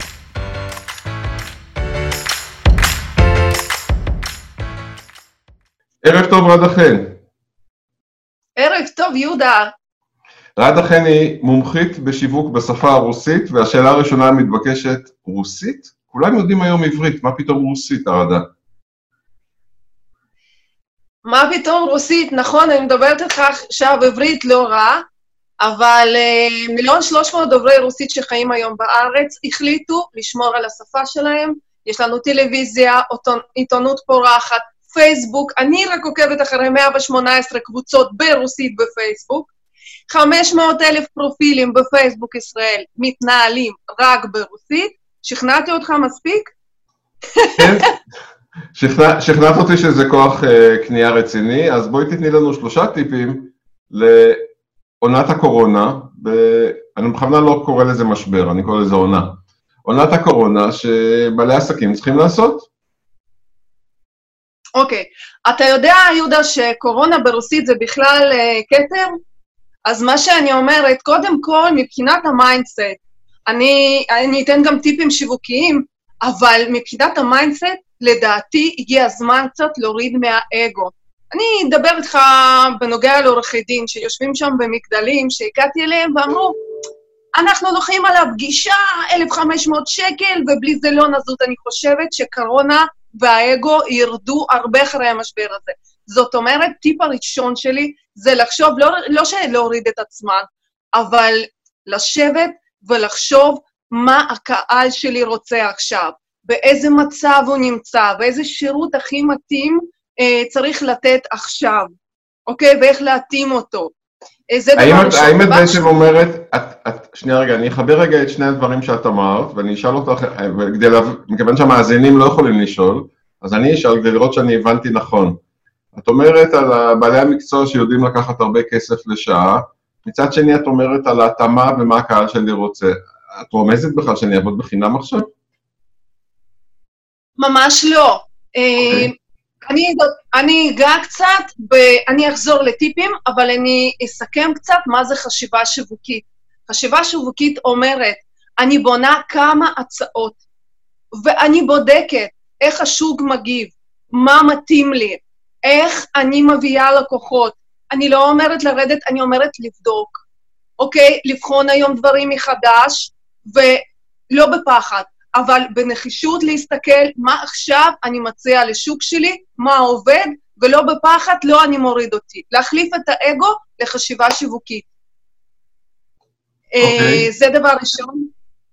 אה, דבר שני, אה, מי שעובד היום בפרסום ממומן, חשוב מאוד להחליט אם השיווק עובד, זאת אומרת, אם ליד שאני מביאה, הכסף שאני משקיעה היום בפרסום הממומן, מביא לי יותר כסף בתמורה, אני שמה יותר גז, אני שמה שם יותר כסף, כי מצאתי כספומט שאני מכניסה שקל, מוציאה שקל שלושים. אני מקווה שהבנתם את המסר שלי. זאת אומרת, דבר אה, רגע, היום בכלל עלויות הפרסום ירדו, אמרו לי, כי כל החברות הגדולות לא מפרסמות. יש לי, אני, אני אודה באמת, אה, יש משרדי עורכי דין שהפסיקו היום פרסומים ממומנים. אני לא יכולה להגיד לך טעות או לא טעות, אבל יש לי פרסום ממומן שהליד ירד פי שתיים. פי שתיים, כי כולם פחדו, ירדו מהשוק. אני לא מדברת על קורסים דיגיטליים, זה תלוי בנישה. הכל נמדד בהתאם לנישה שלו, והכל צריך לבדוק. בכללי, מה שאני אומרת, אם עובד לכם, אם הפרסום הממומן מכניס לכם יותר כסף, תנו גז. תנו, מצאתם משהו שמביא לכם יותר כסף, אתם תפסיקו את זה, זה, זה נראה לך הגיוני, אתה איש כספים. לא, לא נראה לי הגיוני, את צודקת. אה, כשיש אה, פירות מהעץ, ממשיכים לקטוף את הפירות? נכון, אבל, יש פה אבל גדול. יש, יש גם אה, מאזינים, יש גם uh, מי שהפסיק פרסום ממומן, שזה לא עובד, אז מה עושים אז? אז מה שאני מציעה לעשות היום זה לבנות קהילה ולעבוד בפרסום אורגני. מה זה אומר? Uh, אני אתן דוגמה. אנחנו נותנים ערך, חושפים את האישיות שלנו, במקביל אנחנו חושפים את המקצועיות שלנו כבר לאנשים החדשים שאנחנו מכניסים למעגל ההיכרות שלנו במילים שיווקיות למשפך השיווקי. איך עושים את זה? אנחנו בונים אסטרטגיה. מצד אחד, אה, נגיד, אני, אני אתן דוגמה, שלעורכת דין אחד אמרתי, תקשיבי, מה מיוחד את עושה? היא מומחית עכשיו בליצור קשר עם הרשויות בדיגיטל. אז את זה שמנו בפרונט, אנחנו המומחים עכשיו להמשיך לעבוד למרות הכל, ואנחנו עשינו אה, טלפון 24/7, אתם יכולים להתקשר אליי. ואת זה התחלנו לשים בכל הקבוצות. למה? זאת אומרת, היום אנחנו צריכים להדגיש את המומחיות שלנו שמתאימה להיום, אבל היא גם לא תפריע אחר כך בעצם. היא מתאימה להיום, ולא רק, לא רק מקצועיות, יהודה, גם תכונות האישיות. אנשים היום, אני מדברת על זה הרבה, Human to Human Marketing. היום אנשים נמשכים לאנשים, לא טפטים, לא הצלחה מוצלחת, אנשים אוהבים לעקוב אחרינו, אחרי המסע שלנו, גם התלבטויות, גם לפעמים נפילות, צריך לשמור על המינונים, אבל אני אחזור לאסטרטגיה. זאת אומרת, אנחנו הולכים לקבוצות, בפרופיל האישי, יש לנו גם סטורי שיש שם חשיפה מטורפת.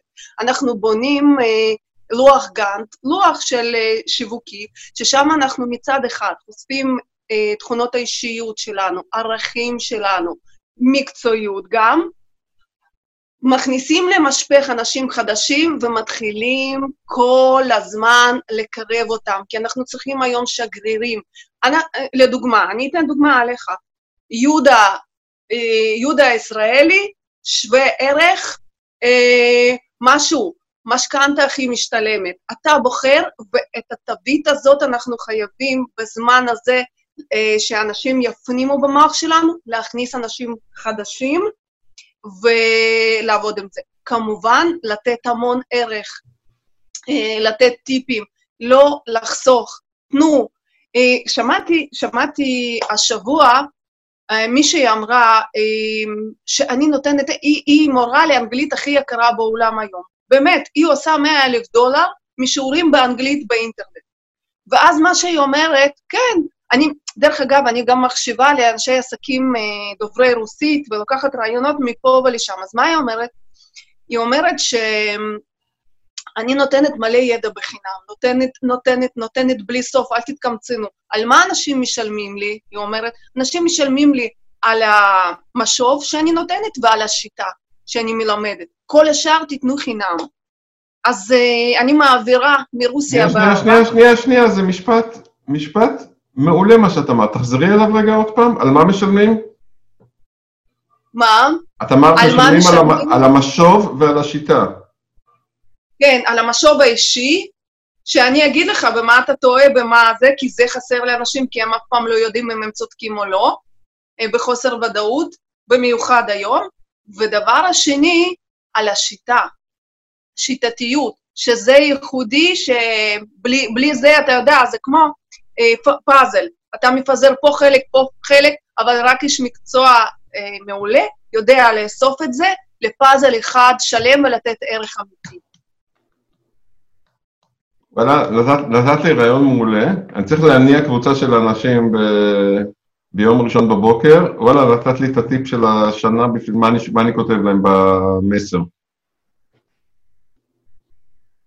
וואו, יש לך עוד-? טיפ? אני רואה, הטיפים שלך ממש מעולים. יש לך עוד טיפים, רדה? אה, טיפים, אה, כן, יש לנו כמובן קהילה שכבר הולכת איתנו, אוקיי? להיות בקשר, לשתף. אה, בפוסטים שאתם כותבים, אני אתן טיפ מאוד מאוד פרקטי. להעלות פוסטים של engagement, של מעורבות, ולשאול אנשים מה אתם חושבים, מה, מה הכי חשוב לכם, ואף פעם לא לסיים בתגובות. אתם יודעים, אה, לעורר אה, תגובות, אבל אף פעם אל תסיימו, אה, אה, טוב, שוב, סליחה שאני אומרת את זה ככה, אל תיקחו את מה שאני אומרת כי אתם חייבים, חייבים, אתם לא חייבים לקחת את מה שאני אומרת. אני אומרת מה עובד לי, אוקיי? אה, אם אתם עובדים בקבוצות, גם כשאתם עובדים בפרופיל האישי, זה המלך היום. כי אה, פרסום ממומן, רואים אותו מ-1% אחד עד. אה, סליחה, ממומן, דף העסקי, רואים אותו אחוז אחד עד שלושה אחוז מזה. זה כמו ויטרינה, שיהיה. אבל היום הכוח הוא בפרופיל האישי ובקבוצות, ושם צריך לדעת לדבר עם האנשים, ליצור אינטראקציה, כדי לעשות, ודרך אגב, אה, עניין טכני, אם מישהו לא יודע, ברגע שיש הרבה תגובות בהתחלה, 10-15 דקות הראשונות, פוסט עולה תמיד, גם בקבוצה, גם באישי, הם אה, בודקים את התגובות, אז צריך לייצר תוכן שיבעט בבטן של האנשים שהם ירצו להגיב וירצו לשתף. וכשאתם עונים בתגובות לאנשים, אני רואה הרבה כל מיני לבבות והכל בולשיט. צריך לשאול לענות את בטקסט. האנשים... לא, לא, לשאול, אה, לסיים את התגובה שלכם בשאלה. אני אתן דוגמה. אה, העליתי פוסט, דרך אגב, אם מישהו רוצה לדעת אה, לכתוב פוסטים כאלה, אני בעברית אף פעם לא עשיתי את זה. עכשיו, בגלל הקורונה, אה, אילץ אותי גם, גם, גם לעשות בעברית, לפנות לקבוצות, ותוך שעה מפוסט כזה קיבלתי ארבע פניות. ו- ומה שאני התכתבתי שם מישהי כתבה, אוי, רעיון מעולה, אז אני נזכרתי שראיתי אותה איפה שכתבתי, תגידי, את מוכרת לי, איפה אני ראיתי אותך? בום, סיימתי את התגובה שלי בשאלה, וככה, הפוסט שלכם כל הזמן יהיה למעלה. זאת אומרת, כל הזמן אנחנו צריכים לשאול שאלות, גם, גם אם בעצם כבר ענו לנו את התשובה. כן. ליצור כן, אינטראקציה. לי. וגם כש, כשיושבים לכתוב פוסט בגובה העיניים, כמו שאני יושבת איתך, יהודה, אה, עוד, עוד טיפ אחד, כשאתם כותבים תוכן, דמיינו לעצמכם שעכשיו אתם מדברים עם חבר הכי טוב שלכם, שהתקשר ואתם רוצים לתת לו עזרה. איך הוא יכול עכשיו לפתור את הבעיה? ממש ככה, גובה העיניים, מכל הלב, אה, זה מה שיעבוד. Human to Human marketing היום הוא המלך. אנחנו נמשכים לאנשים, ו... וזה זה לדעתי הכי חשוב היום. מעולה. ומה שאת אומרת זה רק תעצימו את זה, אני אחזור רגע להתחלת, להתחלת השיחה שלנו, מה שאת אומרת זה, תעצימו את זה בשפה שאנשים מבינים, ולכן את אומרת, תעשו את זה גם ברוסית ולא רק בעברית. כי יש אה, עולם שלם שאומנם מדבר עברית, אבל אה, הוא מתחבר יותר לזה ברוסית.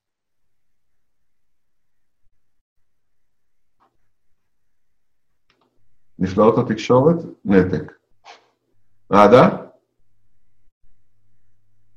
רגע, רגע, רגע, רגע, לא שומעים אותך. עכשיו שומעים אותי? עכשיו שומעים אותי, כן. אוקיי? אני לא, של... אני לא שמעתי אותך. אנחנו מתמודדים עכשיו, דרך אגב, עם אתגר של כולם, ודרך אגב, אני לא רוצה שתוריד את זה מה... בעריכה. כי מה שאני אומרת, להיות אנושיים, להיות בני אדם. הנה, אני יושבת בבית, ואם היית רואה, אני יושבת עם כפכפים. הכל בסדר, אנחנו מבינים, אני איתך, אני כמוך. זה המסר היום. מה ששאלתי, מה, ששאל, מה ששאלתי בעצם זה מה שאת אומרת, אני אחזור רגע להתחלת הראיון, מה שאת בעצם אומרת זה, את כל מה שאמרתי תעשו גם בעברית וגם ברוסית, כי בעצם יש פה קהל גדול שהשפה הרוסית היא הבסיס שלו, היא ה... הוא מבין אותה יותר, זה לא שהוא לא מבין עברית, הוא מבין, אבל כמו שתחשבו איך אתם רוצים לקרוא, אתם רוצים לקרוא את זה באנגלית או בעברית, אתם רוצים לקרוא את זה בעברית, ככה הוא מעדיף לקרוא את זה ברוסית. זה בעצם מה שאת אומרת. זה יותר מדבר אליו, זה קהל גדול אבל. אני אומרת שזה לא תרגום, אני אומרת ששפה זה הרבה מעבר, זה איך אני מתייחסת, איך אני רואה את הדברים, איך אני מפרשת את הדברים, ולכן חשוב לפנות אה, בצורה נכונה. אבל בוא אני אקח אותך לשוק, ומה שאני רואה, מגמות. אנחנו uh, יודעים שיש uh, מלא מובטלים היום, נכון? נכון. לא כולם, לא כולם יחזרו להיות שכירים. ואז מה שקורה, האנשים האלה יבואו רעבים לפתוח עסק. ואז מה קורה? התחרות של בעלי עסקים היום, שחושבים שצריך להמשיך באותו דרך, היא תגבר. ומי שיקבע, אני לא רוצה שכל מי שמומחה היום ואיש מקצוע טוב, יתחיל להתחרות על התחרות, מה שדיברנו איתך על עורכי דין, אוקיי? ולכן, ולכן היום אני אומרת שצריך להסתכל בנחישות ולבנות אסטרטגיה. אני בסך הכל יכולה לפתוח עוד נישה, בדבר הכי פשוט. יש לך אתר, יש לך משהו אה, שכמו ויטרינה, אז אני יכולה להוסיף לך תוכן גם ברוסית, כדי לפתוח עוד זרימה של האנשים. אמרנו, עכשיו אנחנו מגדילים את המעגל של האנשים שנחשפים אלינו, אנחנו בנחישות מתכוננים לשינוי השוק. אני מסתכלת על זה לגמרי ככה. אם זה להתחיל לבנות קהילה ברוסית, להתחיל לספר על עצמך ברוסית, לא עם כל, ה, עם כל הלקוחות אני עובדת בממומן. אה, זה הזמן היום להסתכל עם עיניים פקוחות, לא בפחד, ולהגיד, שוק, אני מבין, אני רוצה לצפות, לזהות את המגמות ו... ולהיות מוכן. יש בחורה בשם אה, נירית כהן, היא לא בחורה, היא כבר אה, עברה משהו בחיים. היא הייתה מנהלת כוח אדם של אינטל, אני קורא את המיילים השבועיים שלה, והיא אמרה כבר לפני שנה וחצי בערך, או שנתיים, את מה שאת אמרת, אה, כל המומחים באיזשהו שלב, כל ה... לא יהיה, תוך 10-20 שנה לא יהיו בכלל שכירים, כולם יהיו עצמאים שישאילו את זמנם מפעם לפעם לכל מיני חברות, אה, ובעצם מה שאת אומרת זה משהו מעניין, אה, מה שאת אומרת בעצם שהקורונה יכולה להאיץ כזה תהליך, כי ברור, וזה אני אומר כבר, זה די ברור, ש-20% מכוח העבודה השכיר לא יחזור לעבוד, כי ינצלו את זה ל... התייעלות, לא לפיטורים אפילו, להתייעלות אמיתית, שקורית דרך אגב בחברות הגדולות היא קורית כל הזמן, בצורה מסודרת דרך אגב, אה, ואני חושב שיש על זה הסכמה מלאה, ולכן אנשים יצטרכו לקחת את הכישורים שלהם ולהעיף אותם קדימה בצורה אחרת. וואלה, זה... היא כבר אמרה את זה לפני שנה וחצי או שנתיים אפילו, מסיבות אחרות דרך אגב. כן, הגיעה הקורונה. ועוד משהו, ש... עוד טיפ אחד שאני רוצה להגיד אותו, שיש לנו כבר קהילה סביבנו, יש אנשים שכבר מחבבים אותה, אז דרך הפוסטים, דרך פנייה, דרך אה, מעורבות נכונה, לחזק אותם, לחזק את הקשר, אה, ולתת הרגשה, אני איתך. אני איתך, לתת לאנשים לפנות ולהתייעץ.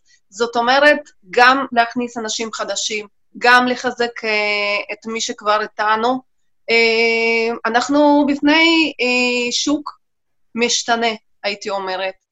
ואני מאוד אה, ככה מסתכלת על המגמות, ואני, דרך אגב, אני יכולה לשאול אותך שאלה, יהודה? כן. משהו אישי, במשבר, אחד המשברים ש, שהיה לי בחיים, מבחינה מקצועית שבעלי נשאר בלי עבודה, והיה לנו אוטו חדש על יד הבית שלא יכולנו למכור, אז נשבעתי אז אה, בכל היקר לי, שבחיים לא יהיה מקור אה, הכנסה אחד. אז מה אתה מזהה היום מבחינת המשכנתאות, מבחינת המומחיות שלך? מה אתה היית מייעץ לי לעשות מעבר לעסק שלי? כי כשאני שומעת היום אנשים אומרים, אבל אני לא רגילה לעשות את זה. אני חושבת שהיום הזמן לנסות לעשות דברים שאנחנו לא רגילים. בוא תן לי, מהמומחיות שלך, כמה טיפים, מה אתה מזהה בשוק שלך, ומה היית ממליץ לעשות לבת שלך. עכשיו אני הבת שלך. השוק, השוק שלי מלא ב... אה, אני אה, אשתמש במילים עדינות, אה, בהרבה הבטחות וחלומות, כמו שמבטיחים דרך אגב בכל מיני שווקים. אבל החוכמה היא לעשות את זה נכון, כי אפשר לעשות את זה נכון. ולמה אני מתכוון? הרבה אנשים אומרים, טוב, בואו ניקח דירה, ש... בואו בוא נדאג שיהיה לנו דירה שנייה, זה ייתן לנו כסף לפנסיה וכדומה. אני אספר לך סיפור מלפני שלושה שבועות, בא אליי לקוח חוזר, שעשיתי לו משכנתה, הוא אומר לי, תקשיב, אנחנו הולכים לעבור דירה.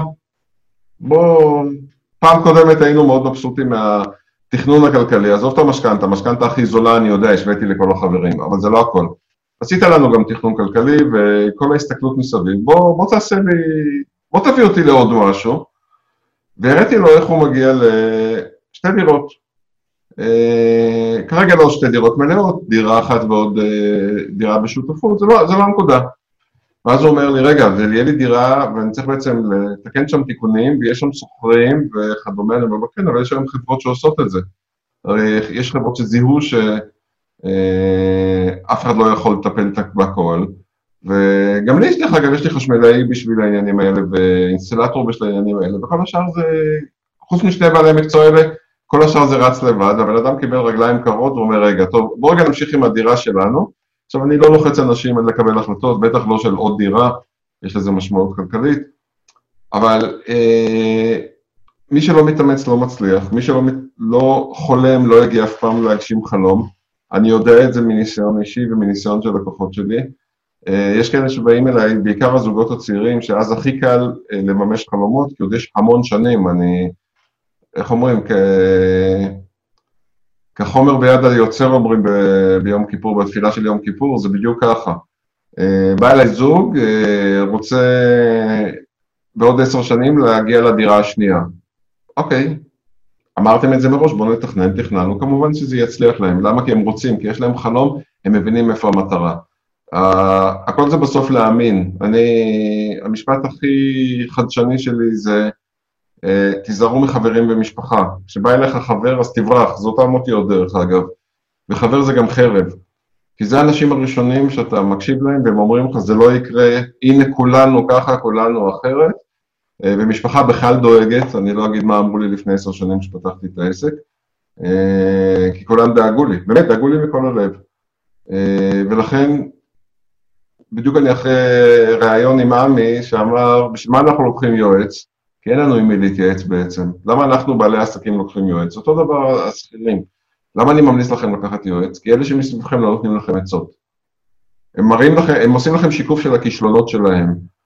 אה, ויועץ הוא יותר אובייקטיבי, יש לו קצת ניסיון, כל אחד בתחום שלו, אחד בשיווק, אחד בכלכלה, אחד ביחסים בין אישיים במשפחה, דבר שעכשיו יהיה מאוד אה, בעייתי, בגלל שכולם בחדר האטום, אני קורא לזה. אה, והיועץ בא מהצד ונותן לכם עצות אמיתיות, ומראה לכם מטרות אמיתיות. אני גם עכשיו, דרך אגב, מלווה על ידי מאמן, ששם לי מטרות שדרך אגב מעיפות אותי קדימה. ו... וזה בעצם מה שיקרה, זאת אומרת, המגמות יהיו אה, לדאוג יותר לכסף פסיבי, אבל זה תמיד היה, אבל צריכים את האומץ לעשות את זה, צריך את הדמיון בשביל לראות שזה קורה. וכן, אם יש מחזיקים דירה, צריכים לתקן אותה לפעמים, אז מה? זה לא קורה כל יום, לא קורה כל יומיים, חוזה זה פעם בשנה, גם זה יש אנשים שלוקחים. בשביל כסף היום קונים הכל, ולכן זה לא צריך להיות בעיה. תחלמו ותיקחו מישהו שיעזור לכם להגשים את החלום, והחלומות האלה הם מאוד מאוד מעשיים, פשוט מניסיון, כאילו, אנשים מצליחים, זה לא אני. איך אומרים, אם זה אני, הייתי אומר, טוב, זה אני. לא, אני רואה אחרים שבאו, התייעצו, קיבלו את הטיפים ועפו קדימה. מעולה, יהודה, ממש מעולה, אני מסכימה איתך לגמרי. אה, רוב ההחלטות שלא הקשבתי לסביבה שלא מבינה ולא עשה את אותן קפיצות ולא אותם דברים בעצמה, לא כדאי להקשיב. זאת אומרת, זה, זה ממש, הם רוצים לטובתנו, אבל הם לא עשו את זה, הם לא מאמינים בזה. אז אה, לגמרי מסכימה איתך. יופי. רדה, הרבה תודה. רדה חן, מומחית לשיווק בשפה הרוסית, את נתת לנו טיפים, דרך אגב, שהם מאוד ישימים גם בעברית, אה, אבל זה, זה הגדולה שלך, שאת רואה רחב ורחוק. תודה רבה, יהודה. גם אתה נתת לי טיפים מעולים, אז בואו נלך אה, לעבוד. נלך לממש אותם. נקום מחר בבוקר ונתחיל לממש אותם. לגמרי, לגמרי. תודה רבה. גשר על מים סוערים. התוכנית שעוסקת בגישור ובפתרון מחלוקות בדרך של שיחה. באולפן, עורך ומגיש יהודה יזרעאלי. גישור לא מגיע לסיומו. בחיים אנחנו כל הזמן בגישור, במיוחד בתקופה קשה זו שאנחנו בבית, עם בת הזוג, הילדים, השכנים, המעסיק וחברים. כאן יהודה ישראלי ברדיו אורנים, 103.6 FM, נשתמע בשבוע הבא בתוכניתי גשר על מים סוערים, כל יום ראשון בשעה תשע בערב ובשידור חוזר ביום חמישי בשעה ארבע. שיהיה לכם חג שמח ומלא מלא בריאות. את החיים של הרבה הרבה משפחות. כאן יהודה ישראלי ברדיו אורני, 103.6 FM, משתמע בשבוע הבא בתוכניתי גשר על מים סוערים. כל יום ראשון בשעה תשע בערב ובשידור חוזר ביום חמישי בשעה ארבע.